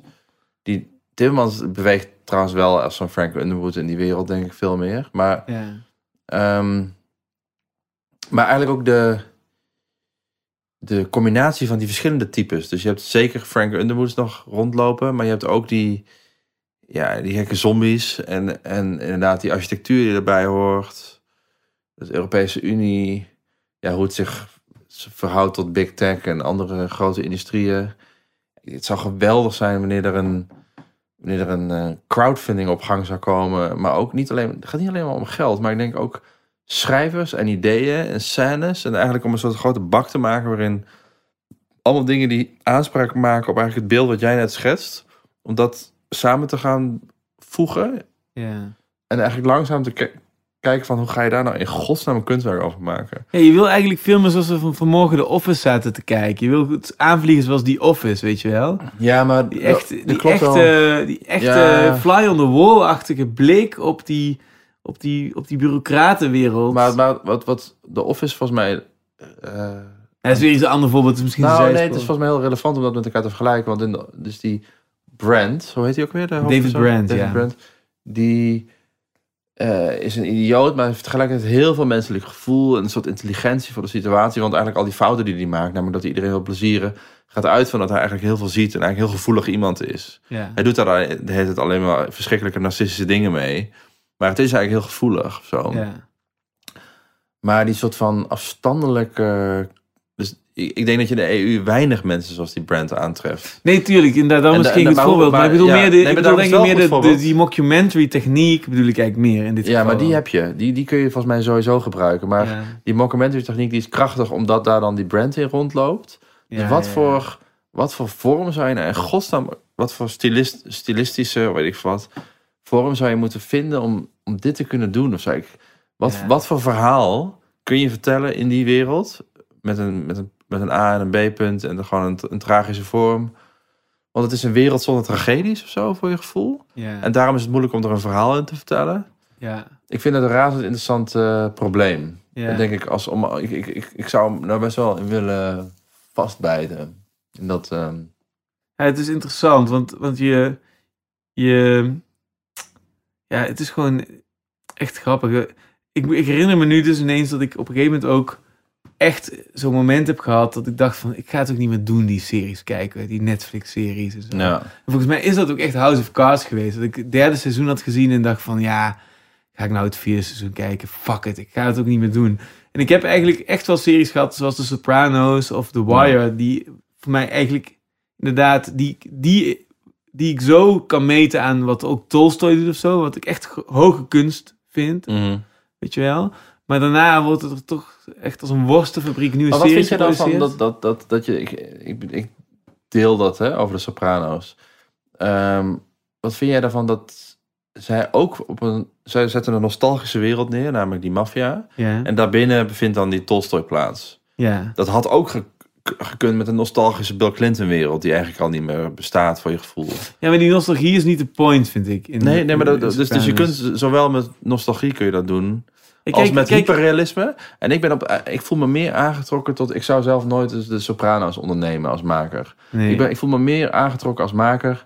om eigenlijk echt een nieuwe vorm te vinden... om die fucked up soort van ja. EU-steriliteit Ja, of zo... dat te gaan vangen. Om daar... Maar eigenlijk wil je gewoon... De, eigenlijk is de, de gouden standaard voor mij gewoon The Wire. Die eigenlijk Ja. gewoon vijf seizoenen, vijf lagen afpelt van die werkelijkheid. Ja. En zo zou je moeten aanvliegen. Dus je begint eigenlijk gewoon met seizoen 1 met... Ik heb de serie nog steeds niet gezien, dus ik weet, ik weet het niet. Ja, ja. Je, je ziet gewoon al, laagje voor laagje al die perspectieven. Dus eerst zie je de politieagenten en de drugscriminelen en de, de, grote, de grote drugsbazen. En dan uiteindelijk zie je de havenarbeiders en de journalistieke En zou die hele structuur als En, en de eh, school, het schoolsysteem en eh, de politieke systeem. Je ziet eigenlijk al die, al die systemen elkaar zo eigenlijk eh, in stand houden... ja. dat eigenlijk die wereld niet kan veranderen. En eigenlijk kijk je alleen maar naar Baltimore. Is er al een soort van... ehm dus niet een Wikileaks waar het gaat om eh, journalistieke feiten, maar ja. gewoon waar, waar, waar mensen persoonlijke anekdotes kunnen droppen ja. over hun wel en wee in de Europese Unie. ja. Gewoon een, gewoon een site, een portal. Ja, En ze Dus mogen, eigenlijk- niet eens, ze eigenlijk- mogen hun naam er niet eens onder zetten. ja. Het, gaat, het mag alleen maar een anekdote zijn. Het maakt Ja. niet eens uit of het waar of niet waar is. Ik Jij wil meteen, dit, dit- jij wil meteen dit, eh, dit, dit, dit- deze ontmoeting smeden als een oproep om die serie te gaan eh, maken. eh. ja, jij wilde er een ik. strik omheen. Ik denk dat het echt leuk ja. is om... Ja, ja, nee, ik vind het ook goed. Want Dus- jij bent uiteindelijk... Ja, ik, ik, ik, ik heb wel expertise met scenario schrijven. Ik zou zo weten hoe je zo'n schrijfteam bij elkaar moet... Hoe je, hoe, dat, hoe je dat zou moeten vormgeven. Ja. Dus ik, daar, kan, daar kan ik wel bij helpen, inderdaad. Dus jij gaat die, jij gaat die serie maken, blijkbaar. ehm, En, eh, want jij bent... Ja, ik vind ook namelijk dat jij... Dat jij eh, hoe zeg je dat? Ik zei het vanmiddag al in de auto. Van, van ik zou verwachten dat jouw volgende stap zou zijn. Dat jij daadwerkelijk die... ehm, die ehm, hoe heet nou die regisseur waar we het zo lang over hadden? Kubrick. ja. Dat jij die Kubrick film gaat maken. Maar dan die Stefan Ruitenbeek film die, die Ja. Kubrick potentie heeft, weet je wel? Ja. Ja. Ja, dus eh, ja, ja. Dus het zou wel een mooie... Nou, ik denk dat mijn talent lijkt meer op dat van Coppola of eh Werner Herzog. Dat ik situaties creëer waardoor de documentaire over de film altijd beter is. Daarom maak ik de film niet, maar de documentaire over de film ja, ja, altijd ja, meteen. dus je hebt een andere werkwijze. ik, heb, ik heb niet, ik heb niet dat, dat talent wat Kubrick heeft. Maar ik zou helemaal niet... ehm, maar ik vond de documentaire die zijn dochter maakte over The Shining ook interessant. Ik zou helemaal niet... Ik zou denk ik dan niet verschuwen om er iemand met een soort schakend, wat meer... Eigenlijk een introvert of, of meer een geduldig iemand. Misschien zou Kate het zelfs wel kunnen. Ik zou daarover moeten nadenken wat mijn rol dan is in dat proces. Ja. Maar dat, die, dat, dat, dat zo'n filmproject er moet komen, dat, is- dat is volgens mij duidelijk. Zo, Ja. dat, dat, de mensen willen dat zeker zien. ja, ik heb net als consument eigenlijk die wens geuit. Hè? Ik heb eigenlijk gezegd waarom ik Ja, House of Cards... En dat, dat kom ik eigenlijk op het spoor doordat jij eigenlijk zegt dat dat... dat die woke-cultuur komt eigenlijk... Is eigenlijk, eigenlijk is die woke-cultuur een zegen. In die zin dat ze eigenlijk laten zien waar het niet meer gebeurt... en wat niet meer relevant is. ja, Dat zijn de Langoliers die alles opeten. Achter, die eigenlijk alles opruimen. Hè? ja, Dus de woke zombies, die ruimen eigenlijk... zoals de Langoliers in die Stephen King film... ja, eten eigenlijk het verleden op. ja, Oké, fijn. Dan hoeven we daar niet meer naar te kijken. ja, Het is allemaal zombificatie, is allemaal afgestorven, is allemaal aangetast. ja, Geeft ons hints in wat het wel moet zijn. Dus die zombificatie vindt plaats bij Kevin Spacey. Dat betekent dat House of Cards wordt opgegeten door de Langoliers. Dat betekent eigenlijk, de conclusie is eigenlijk van... Oké, is een vacature voor goede politieke satire. Wat is dan wel goede fictie over die... ja, En dan komen we op dit spoor. Oké, dan- dit zouden we op die manier moeten aanvliegen. Namelijk, je moet veel meer juist die... Hoe dat in Europa nu eruit ziet schetsen. Zou je dat satire jij zegt? Zou je- eigenlijk, dan moet je denken noem aan het de bom. satire, maar ik bedoel, ik bedoel eigenlijk eh, fictie. Eigenlijk Ja. zoals The Wires. Dus het van meta of postmoderne... Of zou je veel meer, zo, meer gebruik maken van eh, de bom, van eh Dr. Strangelove? Ja, nee. Ja, Nee, ik, vind het eigenlijk wel goed, maar dat zou ik zelf nooit zo maken. Je wil echt dat drama zien, hè? Dat je wil gewoon echt zoals The Wire. Je wil gewoon al die laagjes zien. Je wil het begrijpen. Die mieroop. Ja, je wil, de, je wil de wereld in werking zien. Ja, Want kunst gaat gewoon over het leven zelf. Je wil weten waarom we hierin zitten. Waarom Hugo de Jonge geen engert is en ook geen zombie, maar gewoon Hugo de Jonge. ja. Toch? Dat is een hele moeilijke vraag. Waarom is hij Hugo de Jonge? Waarom is hij zo? En dan moet je dus heel die wereld afpellen. Moet je al die laagjes laten zien. ja. En dan denk je, ah, daarom heeft hij zo'n steriel, saai VT-wonenhuis. Ja. Ja. En geen die- smaak. Die witte piano. Precies. Oh ja, het is geen enge man. Het is gewoon, hij is, hij is onderdeel van heel die Ja. wereld. En daarom Ja. zitten we hierin. Ja. Snap je? Ja.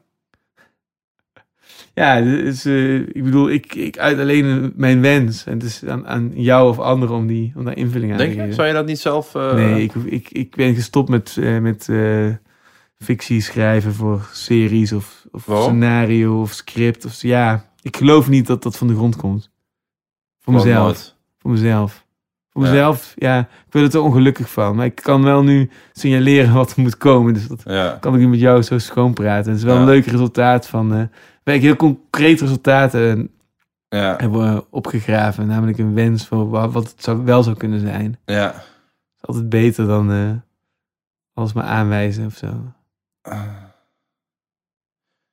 Ja, ik voel die depressie ook wel. Maar, ik, maar tegelijkertijd vind ik het, ben ik niet... eh, ben ik er niet bang voor, omdat ik ook heel tevreden ben met de situatie zoals die nu is. Ja. Zoiets. Ja. Het is eigenlijk een idee die we weg kunnen geven. Een soort eh prijsvraag. Ja. Ja, Ja, jij, bent blij met jouw Kirax en ik ben blij met wat ik doe. Maar ik ben... En eh, alleen dit idee dus voor wie je me hebben wil of zo. Nou, ik denk dat... Ik ben ook wel benieuwd wat er gebeurt wanneer je... ehm, met zo'n soort... eh, zo'n podcast of weet ik wat... Dat de mensen dan... Of de mensen, in een, mensen die er zitten te luisteren... en die hebben dan een neef... en die werkt dan in Brussel of zo... Ja, Nou, je gaat het vanzelf merken. Misschien Ja. krijg je wel een interessant verhaal. En, en ehm, het zou ergens interessant zijn om die... Want je, je, je denkt dus EU, dat zijn dan al die zombies... en die hebben geen passie, want anders werk je daar niet en zo. Maar misschien zit er eigenlijk wel passie... ja. En vind je wel een soort connectie waarmee je dan ook weer dat ding gaat Ja, financieren of echte, zo? nou, ik, ik zou zeggen van mijn methode om dat echt in beeld te brengen is nu deze podcast. En, die, en dus ik wil met die mensen praten, bij wijze van spreken. Ja, maar dat gaan ze niet doen. Dat gaan ze niet doen. Dus Daar- daarom- daarom, heb je een fictie nodig. Ja. Ja. Ja, ja, Dus jij zegt van, we moeten eigenlijk dat spoor volgen van... Ik ken nog een neef en die heeft een broer en daar de vriend van. Die wil wel even brainstormen als zijn naam niet eh, erin komt of zo. En zo moeten we die, dat scenario gaan... gaan die ja, maar het is ook een soort Babylon, hè? Want het Ja. EU-ding is echt een soort gek construct. Dus een soort my- mystiek ding. ja, Dus in hoe, ver kan zoiets überhaupt tot de verbeelding spreken? Zoiets. ja. Ik vind het, ja. Interessant. Ja, het is een mooie, mooie cliffhanger om af afsluiten, te sluiten. Oké, man, Ja, dat was leuk. Ik weet niet. Ja, heel erg bedankt. Ja, ehm, ja heel erg bedankt. eh. ik vond het echt super leuk om eens een keer eh, zo uitgebreid eh, over al die dingen te kletsen. vond het ook leuk. Nou, ik ga hem uitzetten. Ja, fijn dat jullie allemaal hebben geluisterd en helemaal tot het einde zijn blijven zitten. Ehm mij rest niets anders dan jullie nog eenmaal te herinneren aan de nieuwe mogelijkheid om Patreon te worden. En van nu, slaap wel. Ik hoop jullie snel weer te spreken. En volgende week hebben we ook een hele bijzondere aflevering. Een echt een hele bijzondere aflevering, al zeg ik het zelf. Daarover ga ik nog niets vertellen. Dus stay tuned en ik spreek jullie snel.